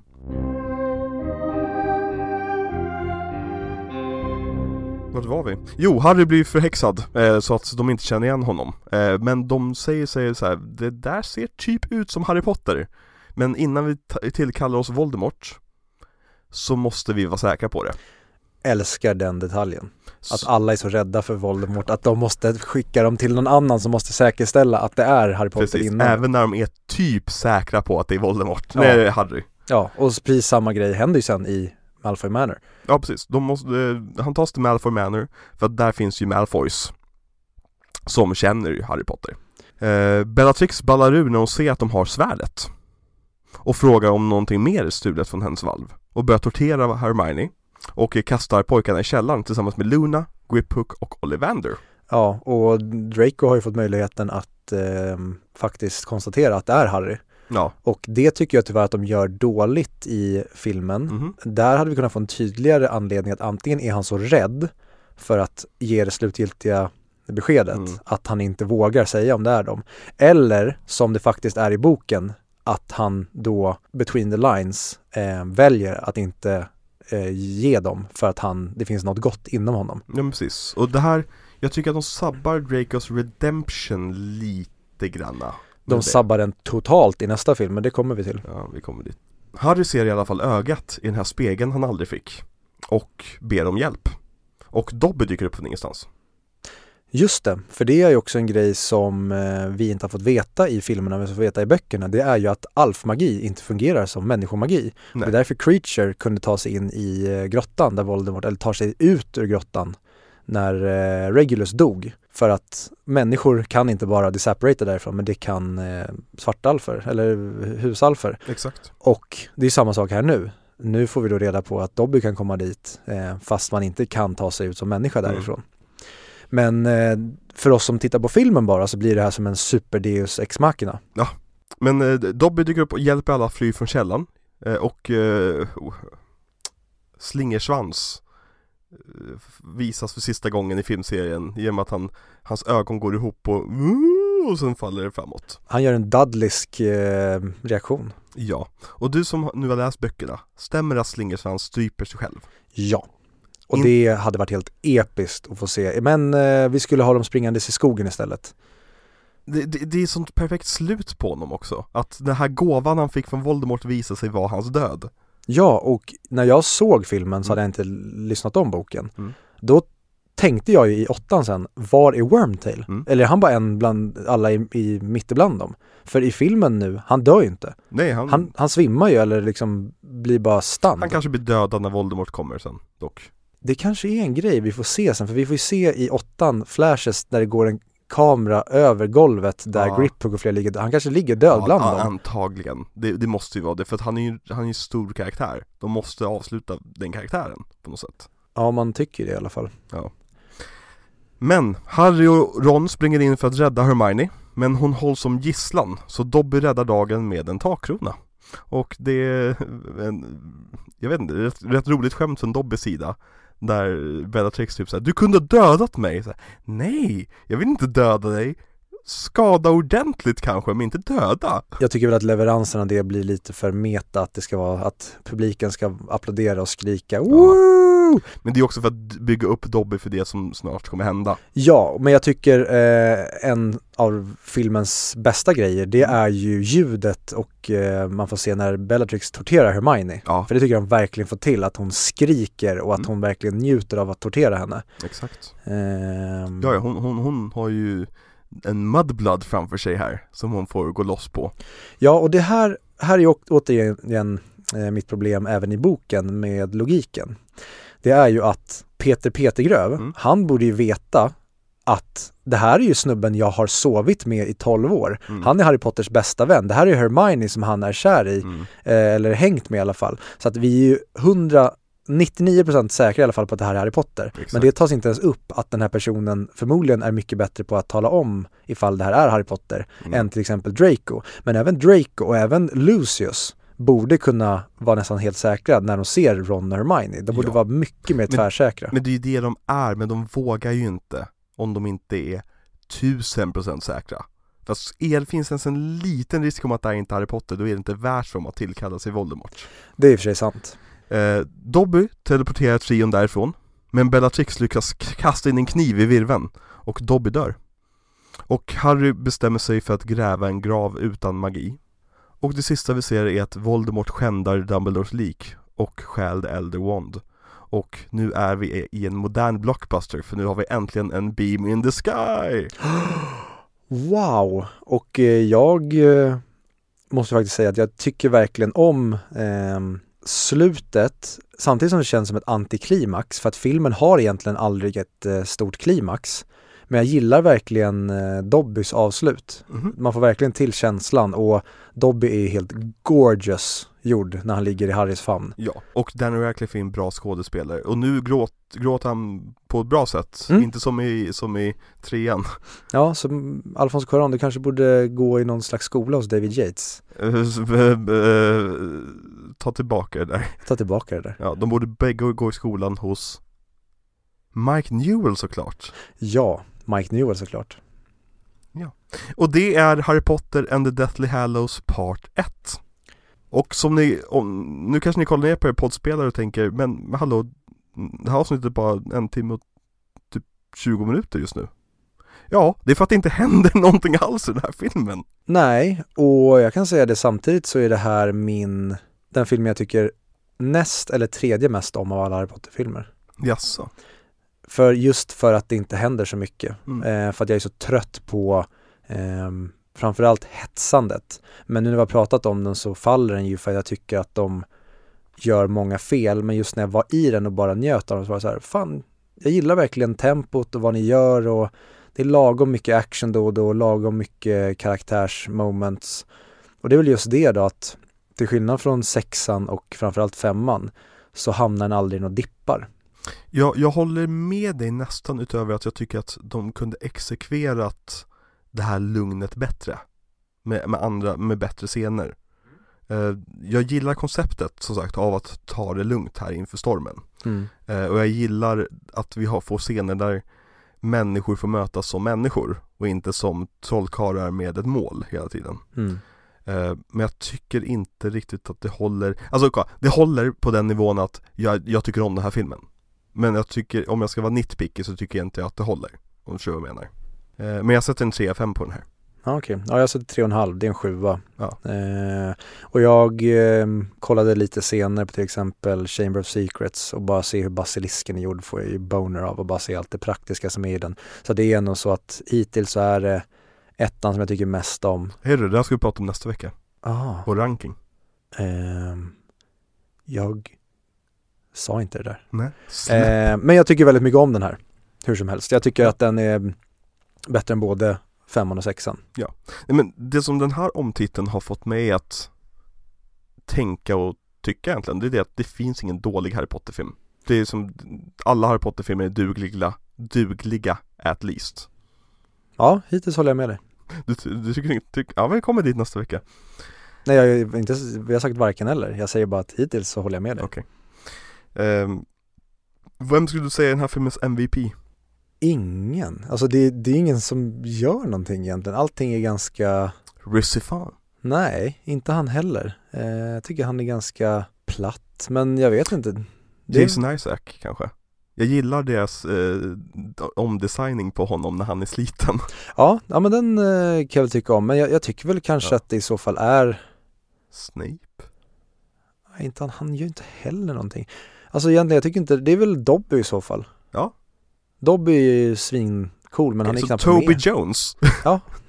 Toby Jones helt enkelt. Yes! Gud vad coolt det hade varit om de hade gjort någon slags eh, merge, att Dobby hade sett ut mer som Toby Jones. Det skulle vara kul om det var en naken Toby Jones som sprang omkring Toby Jones för den som inte förstår, eller som inte vet vem det är, det är, om ni har sett Captain America, så är det han som spelar Arnim Zola Och för oss som inte har sett Captain America, vem är han då? Har du inte sett Captain America? Jag har sett Captain America men den referensen har jag ingen aning om för att, Han, han spelar Red Skulls medhjälpare vad är Toby Jones med i? Jag tänker, han är med i Tinker Tailor Soldier Spy Men det säger väl kanske inte så mycket för de flesta. Alltså han är ju den perfekta Harry Potter-skådisen, det är synd att han inte får vara med i Harry Potter alltså, Han ser ju ut som en Harry Potter-varelse. Ja, Han skulle ju kunna spela liksom svart alf eller vad som helst. Han är med i Jurassic World Fallen Kingdom När han spelar en av de här finansiärerna. Han är med i, i, i, i. Jag försöker hitta någon film som så här, folk kanske eventuellt sett. Han spelar Carl Rowe i eh, W-filmen Från 2008 W-filmen. W Med eh, Josh Brolin som eh, George Bush. Aldrig hört talas om. Har du inte? Nej, Det är väl Spike Jones till och med för mig. Något sånt där. Jaha. Ja, ja, skit i Toby Nej men nej, nej, Jones. nej, men- nej, men jag, jag vill hitta en, en som, som du, som, som vi kan säga. Nej. Han är med i väldigt många saker. Men ingenting som, det är egentligen han- hans utseende som är allt. Ja, nej men han är ju verkligen en sån person som Du kanske inte vet vem vi pratar om, men när du ser honom så säger aha, ja, okej, den killen, okej Eller gubben, eller mannen mm. Han skulle kunna spela Simon Peggs pappa Ja, faktiskt När jag tänker efter så har de varit med i Ja, skitsamma Vad synd att Simon Pegg inte fick vara med och spela en comic relief-karaktär i Harry Potter-filmerna. Kan du sluta prata om Star Wars? Eh, och Mission Impossible. För jag tycker han funkar helt okej i första Mission Impossible han är med i Sen så insåg de att han funkade och ville klämma in dem i alla Mission Impossible Ja men det är den senare delen jag har problem med, när han bara är den eh, knasiga. mm. Och det är väl mitt problem med Simon Pegg, det är när han ska vara knasig. Mm. Men eh, Simon Pegg, vi eh, kanske pratar om det en annan gång.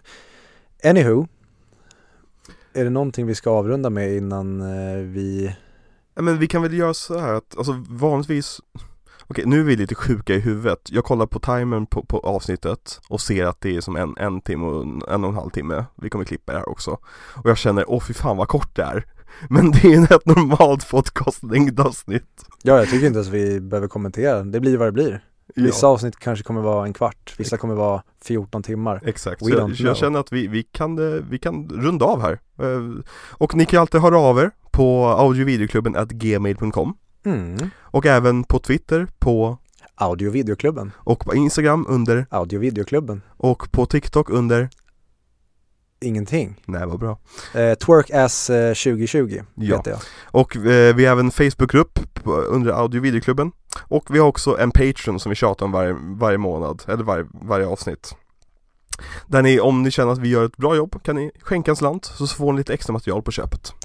Ja, och eh, du och jag har börjat prata om ett mål vi kanske ska ha. Ja, vi kan, vi kan väl bara tisa folk med det målet lite grann att om, om vi når, och vi vet att det här är antagligen helt, helt sinnessjukt och att vi kommer ha typ så fem patreons Vi gör absolut inte det här för pengarna, bara egentligen för, för att det är kul eh, Men ska vi säga 50 patreons? Då åker du och jag till London och eh, går på Harry Potter and the Cursed Child pjäsen och så gör vi en eh, review av det. Exakt. Eh, så det har ni sett fram emot ifall ni eh, känner att ni vill bli patreons. Eh, men vi kommer också prata om Cursed Child väldigt snart. Vi vet inte om, vi har inte bestämt oss riktigt för att vi kom, om vi kommer lägga det på Patreon-feeden eller om vi kommer lägga det i main-feeden på något sätt. Eh, för nästa veckas avsnitt kommer ju bli knökfullt av massvis av annat. Mest för att den filmen är knökfull av saker. Och vi ska summera hela Harry Potter-serien. Exakt, vi ska prata om, om, om eh, J.K. Rowling och vad som har hänt efter det och framtiden av Potter och allt sånt där. Det kommer bli ett väldigt långt avsnitt nästa vecka. Vi lovar ingenting men det är det vi tror i alla fall. Ja, precis, vi kanske är färdiga på fem minuter. Vi kanske börjar, nej. Eh, Harry Potter och hans vänner förstör alla horcruxer, Voldemort dör och sen så blir 19 år senare och alla har bedrövlig makeup. Tycker inte att du ska ge några spoilers för vad vi tycker om filmen. Alltså jag har inte sett om den än så att jag vet inte. Jaha okej. Okay. Nej vi får göra det nästa vecka då i så fall. Det kan vara en väldigt bra grej att göra. Ja, jag tror det också. Men med det sagt så får vi runda av det här. Och eh, då tycker jag att vi ska säga Harry Potter. Nej, nej! S sluta upp. Då säger vi You're a wizard Alex. I'm a Alex Wizard. Fan det där funkar inte lika bra om jag inte heter Harry Potter. Eller Harry. Uh, ja, tack för oss. Hej. Hej.